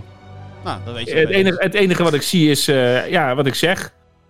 Die, die, die evolutie van Sparrow, waar een ventje op zit. Pharaoh. Ja, Oh ja. Oh mijn god. nou, Oké. Nou, eh, jongens, we zijn er bijna. Jullie De denken, laatste. godzijdank. ja, het laatste voor het eh, beste. Of hoe wat is het? Nou ja, best het wel. De best voor last, dames en heren. Gamer Geeks Podcast. In deze Gamer Geek Awards. De, de volgende is de afsluiter der afsluiters van elke awardshow. Dus hier is die dan. De game uit 2020 die je moet spelen. Award. Oftewel, de Game of the Year. Award. Game of the Year. Ja, maar dan eigenlijk heel erg verpakt. Van nee, wij doen niet aan Game of the Year, maar toch wel. Eh, sorry. Ahem. Eh, zal ik beginnen? Want ik heb een hele... Nee, nee, nee, nee, nee, ik begin wel. Want Oh. die van mij gaat toch niet serieus genomen worden. ik bedoel, daar, gaat echt, daar gaan we weer een shitload aan kritiek en commentaar over, over Nee, me hoezo? krijgen. Als jij dit gewoon super tof vindt, dan kan dat toch? Wat zei je? Ik weet niet eens of ik het super tof vind. Ja, jezus. Maar ik weet, wat, wat, ik wel, wat ik wel weet, is dat ik het geniaal bedacht vind. Oké, nou. Ik ga gewoon starten hiermee. Ja. Want eh, we nemen mij toch nooit serieus in de podcast. ik neem mezelf niet eens serieus in de podcast. Oké, zijn jullie er klaar voor, mensen? je er zelf van? Stik voorzichtig, Jim. Hij komt niet meer bij. Nee, Oh, oké. De afsluiter. der afsluiter Der van elk- afsluiters. Van elke awardshow. En hier is die dan. Dank je, ik kan nu nog De even- game Ja? uit 2020 die je moet spelen. En die ik nog niet gespeeld heb, tussen aanhalingstekens. Maar die ik wel heel graag wil spelen. Maar die ik ergens veel, veel, veel te duur vind. Want je krijgt er maar één wagentje bij. Maar je moet eigenlijk twee wagentjes hebben voordat hij lauw wordt. Maar als je hem dan hebt. En als ik de video's op het internet mag geloven. Dan is hij best wel lauw. En dat is Mario Kart Live Home Circuit. Maar eh, serieus? Ik heb het net even niet meegekregen. Kan je het even herhalen?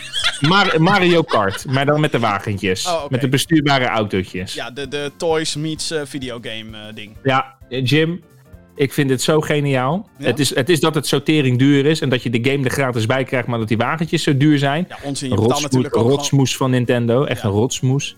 Maar eh, ja, ik weet niet, maar hier ben ik best wel hyped over. Ook al zie je dat niet en ook al denk je, die jongen is misschien een beetje sarcastisch. Maar misschien ben ik dat ook wel. Maar ik weet niet, ik vind dit wel vet. Ik vind dit wel echt vet bedacht. En ik heb verder heb ik echt niks van, 20, eh, van 2020 gespeeld. Dus wat ik al zeg, je moet mij absoluut met een korreltje zout spelen. Maar dit had ik wel heel graag willen spelen. En dan gewoon echt een lekker dik, eh, eh, gewoon een dik parcours bouwen. Met twee van die wagentjes. En dan gaan we een beetje zitten kutten. En echt, ik heb die video's gezien online. Ja, dat is hilarisch. Ik vind het vooral grappig hoe huisdieren fucking wegrennen. Ja, Ja, nee, maar gewoon van point of view. En dan denk ik bij mezelf, ja, dit is gewoon. ehm, ik weet niet, ik vind dat gewoon een soort van ideale combinatie tussen iets wat tastbaar is en iets wat, wat, je, ja, wat je op de computer speelt. En daar weet ik ook wel hoor. Ik bedoel, ik heb gezien over de internetverbindingen en de vertragingen die er soms kunnen optreden, et cetera, et cetera, et cetera. Maar ik vind dit wel. Ik weet niet, ik vind het echt geniaal bedacht. En het is gewoon een beetje het beste van beide werelden. En ik denk dat dit echt de ideale lockdown game is. Nou, het is inderdaad... Nou ja, aan de ene kant vind ik het soort van ook balen. Want ik denk dat wij eh, in, een, in een melige bui eh, zeker wel gewoon, denk ik, de straat op... Of eh, zeg maar bij jou in de buurt ergens of op een skatepark of zo. Want wat voor gek circuit kunnen we hier bouwen met, met Mario Kart? Ja, nee, het lijkt mij echt, het lijkt mij echt, echt for real lijkt me dit echt heel leuk. Ja. Ik ben wel benieuwd in... nou ja, volgens mij zijn er gewoon heel veel beperkingen ook. In, qua circuit natuurlijk. Het kan natuurlijk nooit zo vet zijn als een... Qua gameplay heb ik het dan over, hè, nu. En, en Als, als een echte Mario Kart game. Maar ja, het concept is inderdaad gewoon heel, heel tof bedacht. Ik denk dat daar heel weinig... eh, Dit, is waar, dit is echt waar, waarin je merkt dat Nintendo aan het verbreden is. Er komt natuurlijk ook wel een pretpark. En ze gaan steeds meer speelgoed maken. En weet je wel? Het is een eh, interessante richting. Ik weet niet per se of ik fan ben van de algemene richting waarin ze gaan. Want als je aan mij zou vragen... Jim, wil je liever Mario Kart 9 of wil je dit? Dan ga ik voor Mario Kart 9. Maar ja, aan Ja, maar, maar het is wel interessant eh, de, de, de opties die ze aan het verkennen zijn. En ik vind zoiets, hè, het, is een, het is een soort van. Het is een soort van erbij. Hè. Het, is niet, het is niet alsof het meteen. Dit is de nieuwe richting waar we ingaan. Maar het is gewoon van. we- Weet je, dit kunnen we met de technologie die we hebben. En ja. Ik bedoel, als ik mijn neefje zie, hoe, hoe, die, die weet helemaal gek. Sterker nog, ik zit nu ook even, gewoon even voor de context, hoe oud is je neefje? Ja, mijn neefje die is zes. Ah ja, ja, En, ja. en, ja. en, en die is nu echt helemaal fan al- van Mario. Dat is sinds, eh, we zaten afgelopen januari. eh, Is hij al zes? nou, bijna, bijna, ja, die is al zes, ja. Jezus. Ja, dat gaat hard, Jim. Eh, maar afgelopen januari, dus eh, bijna een jaar geleden, toen zaten we in eh, Village Natuur. Dat is een, zo'n soort centerparkshuisje in de buurt van Disney. Ja, ja, ja, ja, ja. ja. Nou, en daar, nou ja, daar is die. Hij kijkt echt uit naar, naar die maand. Want toen hij vijf was, toen heeft hij voor het eerst Mario Kart gespeeld. Die hebben we toen van jou geleend. Nou ja, en die, was, die keek een jaar uit dat we op vakantie gingen. En dan in, in, in, bij Disney. En de, hij wil niet naar Disney. Hij wil alleen maar thuis Mario Kart spelen. En ehm, nou ja, dus dat was afgelopen jaar. Hadden we van Jim hadden we Mario Kart geleend. Nou, hè, dan zit hij met zijn oom en met zijn vader en met zijn tante. En dan wordt hij boos op zijn tante. En iedereen wordt boos op eh, zijn tante, mijn vriendin. Want die maakt, die maakt gewoon letterlijk iedereen in. Maar dan speelt hij ook met zijn opa, dus de vader van mijn vriendin. Ja, dat is gewoon, dat is hilarisch hoe dat een soort van verbroedering eh, is. En dan denk ik bij mezelf, ja, Mario Kart, dat heeft eigenlijk altijd voor verbroedering gezorgd. Dat, eh, dat type spel. En dan komt er nu dan zo'n zo'n autootje komt uit. Waarbij je en fysiek naar het autootje kan kijken. En je kan fysiek naar het beeld kijken. Je hoeft niet één op één. Maar dat is een soort van, ik denk een soort van ideale wereld. Waarin dus echt een videogame en speelgoed gewoon bij elkaar komen. En dan denk ik dat zo'n spel als Mario Kart. Ja, daar echt, eh, echt, echt geschikt voor is. En dan heb je natuurlijk nu ook die Mario Lego die afgelopen jaar is uitgekomen. Dus wat dat er gaat, hè, ik bedoel, ik zeg veel over die loodgieter. Ehm, maar als ik zie wat voor vreugde dat nu brengt bij een nieuwe generatie. En op wat voor manier die nieuwe generatie nu opgroeit met Mario. Denk ik van ja, dat is wel vet. Ja. Nou, ik eh, vind het een mooie, mooie aanwinst, Vincent. Dank je, Jim. Goed gedaan. Ik ga nu kijken of ik hem op Marktplaats kan kopen. Van het geld dat ik eh, krijg met Animal Crossing. Jeppie, jouw eh, genomineerde voor de afsluitende afsluiters van elke awardshow. Dus hier is die dan, de game uit 2020 die je moet spelen. Award. Spider-Man Miles Morales. Eh, Ja, het was voor mij echt de game. Ehm, is kijk, dit, ik heb dit jaar niet heel veel nieuwe games gespeeld. Is dit omdat Cyberpunk tegenviel? Ja, dit is echt omdat Cyberpunk tegenviel. Ja. Ik heb deze game, di- dit jaar niet heel veel nieuwe games gespeeld. Ehm, ik heb vooral veel oude games uit oudere jaars opgepakt. Mhm. Ehm, dus voor mij was het een beetje dat ik, tussen, dat ik niet veel opties had, zeg maar, om echt te kiezen. Ehm, maar het is er wel één die heel erg tof is in mijn optiek. Want nou ja, het pakt de, het pakt, hè, de blauwdruk van Spider-Man, de, de game eh, van de PlayStation 4. En maakt het eigenlijk nog beter door het toevoegen van nieuwe elementen. En eh, dat doet het in mijn optiek heel erg goed. Ehm, dus ja, voor, voor mij gewoon de game uit 2020 die je, die je moet spelen. Oké. Ik kan er eigenlijk heel kort over zijn, want we hebben het er net al over gehad. Ja. Ja, ik vond hem echt te gek. Ik, eh, ik, ik ben nog steeds bezig met het halen van mijn Platinum Trophy. Ehm, en ik heb me nog geen seconde verveeld in deze game. Ik vind het echt... eh, het speelt fijn, de combat is goed. Het slingeren door New York. Maar goed, het was natuurlijk in Sp- de originele Spider-Man ook al zo. ja, dat is waarschijnlijk ook de reden waarom ik deze never nooit zou kunnen nomineren als een Game of the Year. Omdat dit voor mij gewoon... Ja, het, kijk, een, een, een, een positief iemand die kijkt ernaar en die zegt... Dit is te gek, want het is hè, een, een, een hele toffe uitbreiding op, eh, op Spider-Man 2018. Een scepticus die zegt... Ja, maar dit is gewoon eigenlijk Spider-Man 2018... Maar dan weet je wel wat nieuwe scenario's en zo. En ik vind Mhm. ook zeker dat als je. eh, en dat is dan mijn optiek natuurlijk dit. eh, ik, ik, eh, hoewel ik deze game dus echt te gek vind. In allerlei opzichten. Vind ik ook wel dat Spider-Man 2018 op heel veel vlakken gewoon beter is. Nou, en dat vind ik dus niet. Want ik ben nu bezig ook met het spelen van Spider-Man Remastered. Ehm, en ik ben nu eigenlijk een beetje verpest door Miles Morales. Omdat het sommige dingen dus anders doet. Ehm, en je een andere set met abilities geeft. Dat ik eigenlijk, terwijl ik Remastered aan het spelen ben, zoiets heb van... Ik wil eigenlijk Miles Morales spelen. Omdat ik daar die andere abilities heb en die andere movesets. En ja, misschien ben ik verpest daardoor. Ja, ik denk het wel. Ja, ik, ik ben namelijk zelf van mening. Maar goed, misschien spoil ik al iets te veel over wat ik in zijn geheel van deze game vind. Maar ik vind dat Mhm. bijvoorbeeld Spider-Man 2018. ehm, en het is natuurlijk ook de volgorde waarin je het inderdaad speelt. Want ik vind bijvoorbeeld. En ik wil echt niet racistisch overkomen of wat dan ook. Maar ze hebben heel weinig gedaan met het personage Miles Morales, vind ik. Want hij komt nu gewoon over als een Black Peter Parker. Hij heeft exact dezelfde persoonlijkheid. En dat vind ik echt kut, zeg maar. Want het is. Het is zonde. Het is weggegooide potentie, vind ik. Omdat Mhm. Miles in dit verhaal ook een puber is. Dus dan denk ik, doe daar dan wat mee. Doen ze ook niks mee. Het feit dat het gewoon een fucking tiener is, weet je wel. Die mag wel, die mag wel, die, die, die hoeft ook niet, net zoals Peter, tegen alles en iedereen vriendelijk te zijn. Het is een ander Ja. character.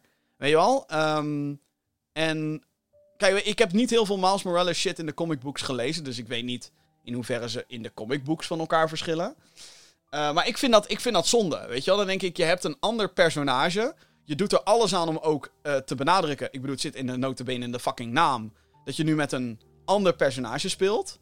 Mhm. En ze verschillen eigenlijk, en dan kijk ik vooral op het verhaal inderdaad dan, hè. Verschillen ze heel veel van elkaar. Daarnaast vind ik, maar ja, dat, hè, dat is nogmaals in de volgorde waarin je het speelt. Wat een van de tofste elementen van Spider-Man in zijn geheel, dus ook de comic books, ook de, de films, de, de alles, zijn de bad guys die Spider-Man allemaal heeft.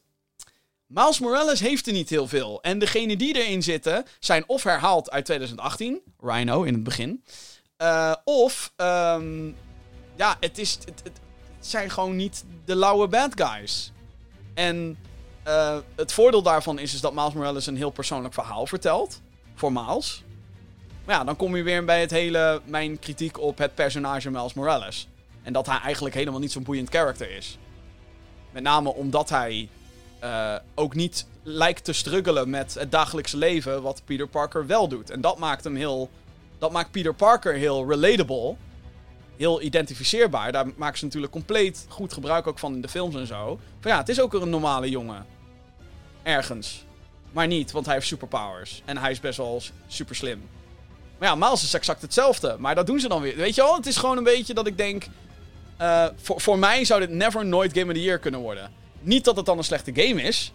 Want ik heb net best wel veel deze game de hemel in zitten prijzen. Maar daarom vond ik dit ook een hele verrassende keuze van je. Omdat ik zoiets had van... Je hebt echt niks gespeeld. Nee, nee, ik Nou heb echt alleen maar oude shit gespeeld. je je hebt echt niks nieuws gespeeld, zeg maar. Nee, nee, Ehm, ik heb niks nieuws gespeeld. En dan vind ik eh, in die zin een, eh, en dat is niet lullig bedoeld verder, maar dan vind ik een Mario Kart live vind ik dan een interessantere keuze dan een Miles Morales. En nogmaals, weet je wel, als je dit te gek vond, Ja. ja, dan heb ik inderdaad zoiets van speel 2018. Dan is het een beetje jammer dat je er dan op die manier naar kijkt. En daar kan je niks aan doen, weet je wel, dat is, jouw Ja. dat is jouw ervaring. Ehm, en dat is ook heel interessant, want ik, ik, kan, ik weet niet hoe dat is, weet je wel. Ik kan, ik kan wel zeggen, ik kan me voorstellen, maar dat kan ik Mhm. niet, want ik heb het nou helemaal niet. Ehm, dus ja, het is eigenlijk in die zin bijna jammer dat je niet eerst 2018 hebt gespeeld en daarna Miles Morales. Want je kan Ja. je inderdaad voorstellen dat ze ook een paar verbeteringen toepassen. Hè, want het is immers een nieuwer spel. Het is immers een ja, stand, standalone expansion als je het lullig wil noemen. Ehm, ja, ja. Nou ja, dat. dat, dat, ja dat nou ja, kijk, ik, eh, ik had eigenlijk... Wa- waarschijnlijk zeggen mensen hetzelfde over mijn eh, Game of the Year. Dus, eh, ja, wel? dat is waar. Maar ik had, ja, kijk, ik had ergens zoiets van... Mag ik Star Wars Jedi Fallen Order hier nog neerzetten?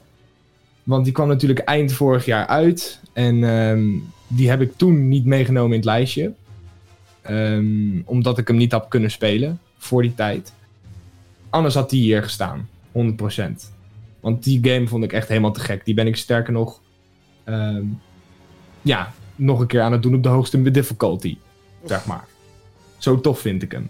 Ehm, maar goed, die kwam eigenlijk officieel niet in dit, dit jaar uit. Dus stond Spider-Man hier. Ja. Want dat is eigenlijk de enige game van dit jaar die ik echt heel tof vond. Cyberpunk. En eh, die ook dit plekje verdient. In mijn, ik, in ik, mijn ik, ik denk, ik denk dat, we, dat we niet zullen liegen als we. eh, en dat had ik ook hoor. Ik had, ergens had ik zoiets van. Ik had heel erg gewild dat Cyberpunk. dan wel een gewaagde kandidaat was voor Game of the Year voor ons. Mhm. Dan wel. Weet je wel, dat dat, dat hem gewoon is. Ik denk dat dat bij jou zeker wel. eh, ja, jij was er eigenlijk. Eigenlijk was je er al gewoon vanuit gegaan dat het Cyberpunk zou worden. Ja, ik had mijn lijstje al ingevuld. Cyberpunk stond hier al, eh, stond hier al, zeg maar. Maar Ja. ja, omdat die zo erg tegenviel, eh, is mijn Game of the Year, nou ja, ik wil niet zeggen ontnomen, maar is weggevallen, Ja. zeg maar. You were En, the eh, chosen one. Ja, ja, maar zo zat ik wel. En eh, ja, ik moest op zoek naar iets nieuws. En dat nieuwe was Miles Morales. En ik denk dat ehm, voor het geld wat je hiervoor neerlegt, dat het wel echt een game is die je moet spelen. Ja. En dat is uiteindelijk de award die hier staat. De game uit 2020 die je moet spelen. En dat is Spider-Man Miles Morales voor Jezus. Christus. Oh. Schrik me de pleuris. Godsamme. Dat was weer een volger op Twitch. Waarvoor, dank. Oh. Wa- waarvoor dank. Eh, brengt ons wel meteen naar eh, nou, mijn eh, genomineerde voor Game of the Year. Nou, het zal je denk ik niet verbazen wat dat, wat dat is. Ehm joh. Mijn genomineerde voor de afsluiter der, der afsluiters van elke awardshow. Dus hier is die dan de game uit 2020 die je moet spelen. Doom Eternal! Tony Hawk! Tony. nee, Doom Eternal. Of course, Doom Eternal. Jongens, jullie hebben geen idee hoe goed deze game is. Maar ik ga het proberen uit te leggen. Kan niet. Ehm, nee joh, dit is... eh, ehm, er zijn weinig games, hè, ik met mijn sceptische hoofd. Zijn er weinig games die ehm, aan al mijn verwachtingen voldoen. En deze game deed het in de positieve zin van het woord. Doom Eternal is de first-person shooter op fucking steroids. Dit is next level is dit gewoon. En dan heb ik het over de gameplay die hard is, ruig is, tegelijkertijd ook heel snel improviseren. Kut, ik heb geen ammo meer hiervoor. Snij deze guy door midden, dan krijg ik ineens magisch ammo. Hoe zit dat met logica? I don't care. Eh, zet guys in de fik om armor te krijgen. Hoe werkt dat? Ik heb geen idee wat de wetenschap erachter is. I don't care. Ehm, maar de actie is ongekend goed. De gameplay, waar het uiteindelijk allemaal om draait, is wat al die Nintendo fanboys dan vervolgens beweren. Het gaat niet om de graphics, het gaat om de gameplay. Geen enkele shooter doet het op dit moment beter dan Doom Eternal. En ehm, ik kan me voorstellen dat je bij het zien van Doom Eternal denkt: dit is te hectisch. Dat klopt, ik hou van hectiek. En ehm, de balans is zo ontzettend goed gedaan. En dat is iets wat je ook niet bij veel shooters ziet. Elk wapen heeft zijn rol. Elk wapen heeft eh, eh, een, een, een extra functie. En dat geldt ook voor de vijanden. En dat is een balans die eigenlijk alleen nog maar in de originele Doom games te vinden is. Wat de originele Doom ook zo fucking tijdloos maakt. En Doom Eternal heeft hetzelfde. Daarnaast ziet het er fucking vet uit. Heeft het een van de beste soundtracks ooit gemaakt. Voegt het daadwerkelijk een verhaal toe aan Doom. Iets wat compleet onnodig was. Maar wel heel vet. Eh, dus eh, ja, dit is te gek. Dit is fucking te gek. Zijn er nadelen aan deze game? Ja. Eh, ben je op zoek naar een multiplayer game? De multiplayer van Doom Eternal kan je skippen. Ehm, ja, nee, echt. Ik, ik, ik vind het grappig bedacht, maar het, het houdt je echt niet vast. Ik denk dat ze veel beter gewoon traditioneel Team Deathmatch hadden toe kunnen voegen. En dat mensen daar dan meer plezier mee hadden. Maar ik snap wel dat ze ook weer iets anders willen proberen. Eh, whatever, weet je wel. Het is, het is bij mij... Ik, ik speel het niet voor de multiplayer. Doom speel je sowieso niet voor de multiplayer. Dus dan kan ik me daar ook niet echt aan ergeren dat het niet zo baanbrekend of zo goed is. Als dat het wellicht ook Maar had kunnen zijn. Even, Jim, waar ik dan wel benieuwd naar ben. Allereerst, eh, ik bedoel, ik heb super veel lof voor het spel. In zijn, eh, bedoel, het is, dit is echt zo'n type, type game wat ik never nooit zal gaan spelen.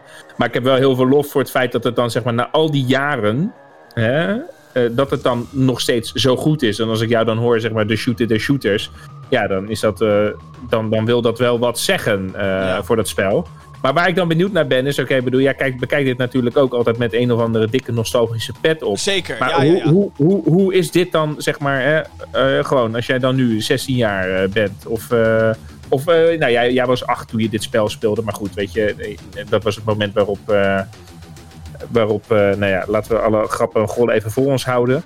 Maar ehm, dit, dit spel, dat hoor je te spelen vanaf 16 of zo. Dus als je dit, eh, hoe, hoe, eh, hoe is dat voor een, een nieuwe generatie dan, die dit nu dit spel speelt? Hoe, als je je daarin zou moeten verdiepen, hoe is dit dan? Dan zou ik zeggen, speel eerst Doom 2016. Omdat dit eigenlijk Doom 2016 is, maar dan on steroids, wat ik al zei. Eh, het gaat wel harder, ruiger, sneller, sneller vooral.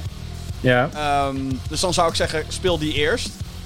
Maar dit spel is dus ook zeg maar in, in, in, dus in zijn shooter-genre, hè, dus van, even vanuit het optiek sh- shooterstuk, Mhm. is dit dus wel gewoon, eh, stel je kent niet die hele back-geschiedenis van, eh, van Doom, dan is dit nog steeds vet. Ja, zeker. Ja, dit is te gek.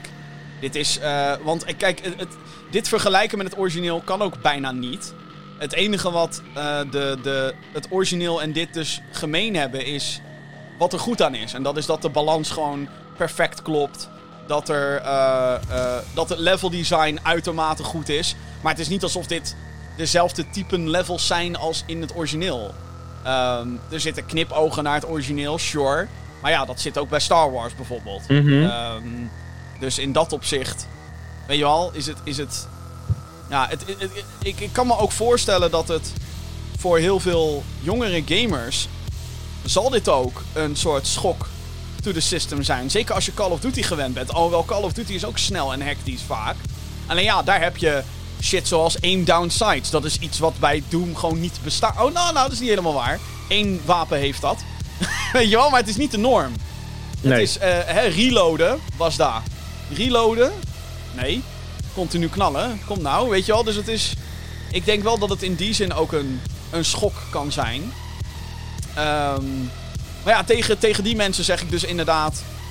Speel eerst Doom 2016 en kijk of je dat tof vindt. Want dat, ook dat heeft die ruige, back-to-basics manier van, van game design.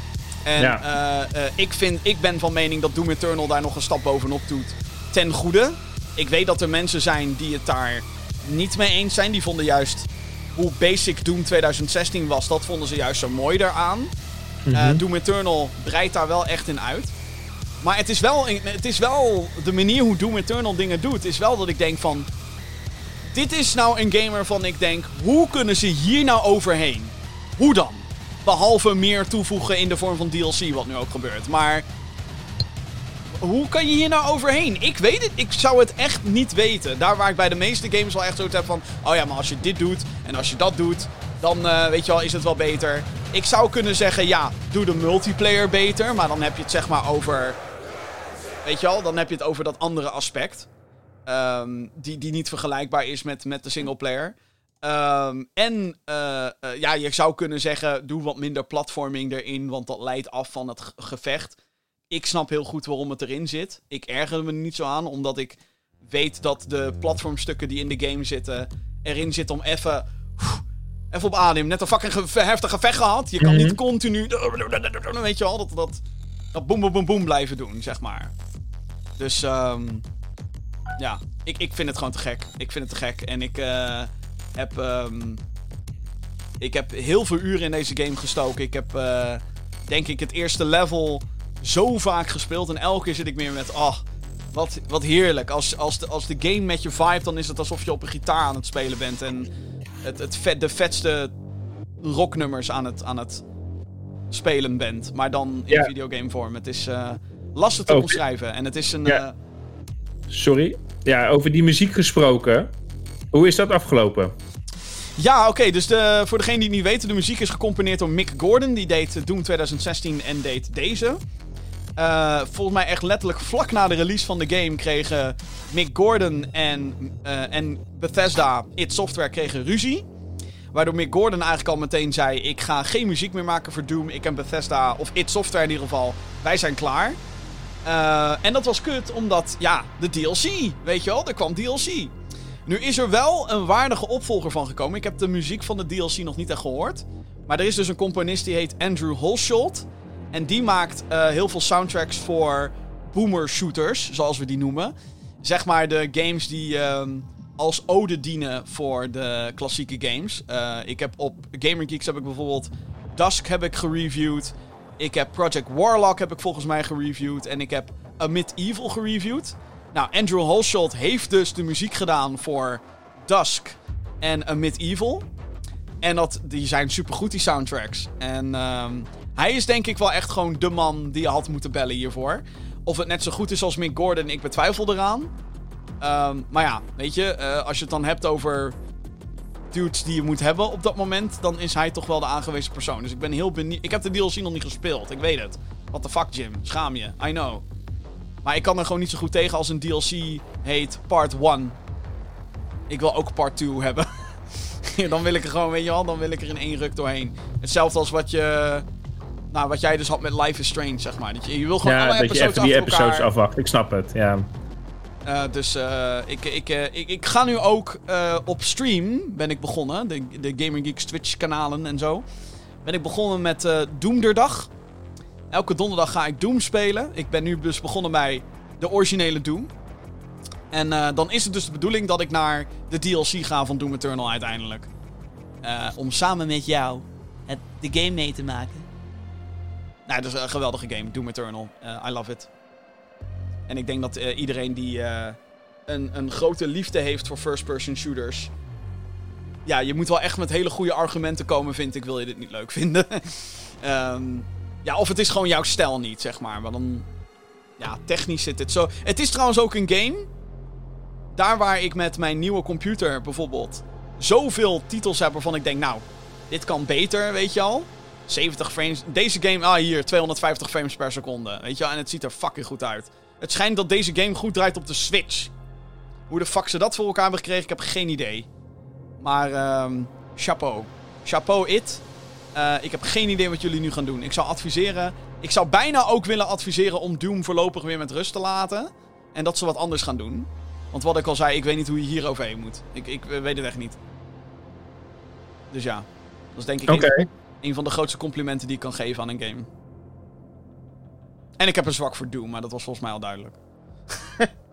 ik ben ook bevooroordeeld, jongens. Ben ik ook. Ik geef het graag. Ik ge- als het gaat om Doom, geef ik het met liefde toe.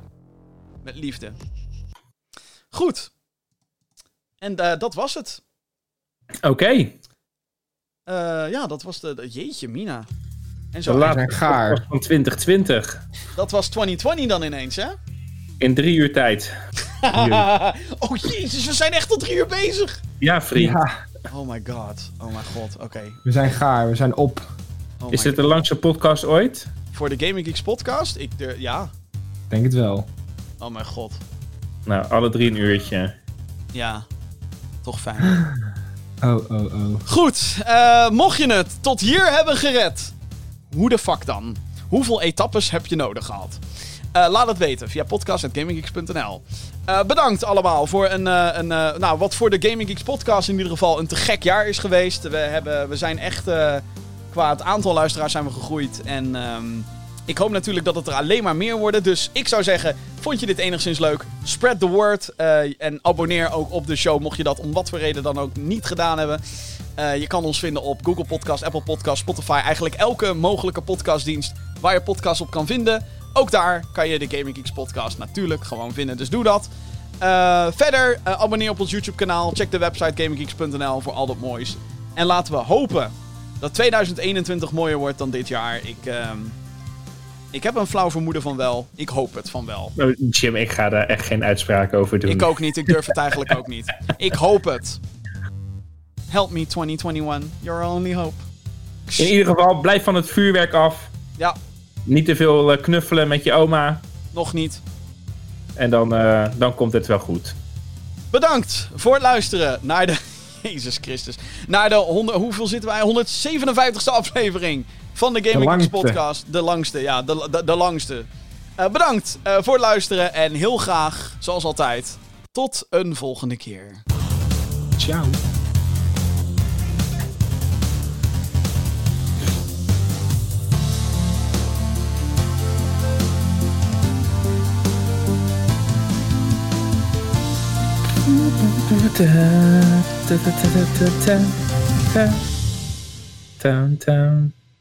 Tering, wat een lange. Jezus.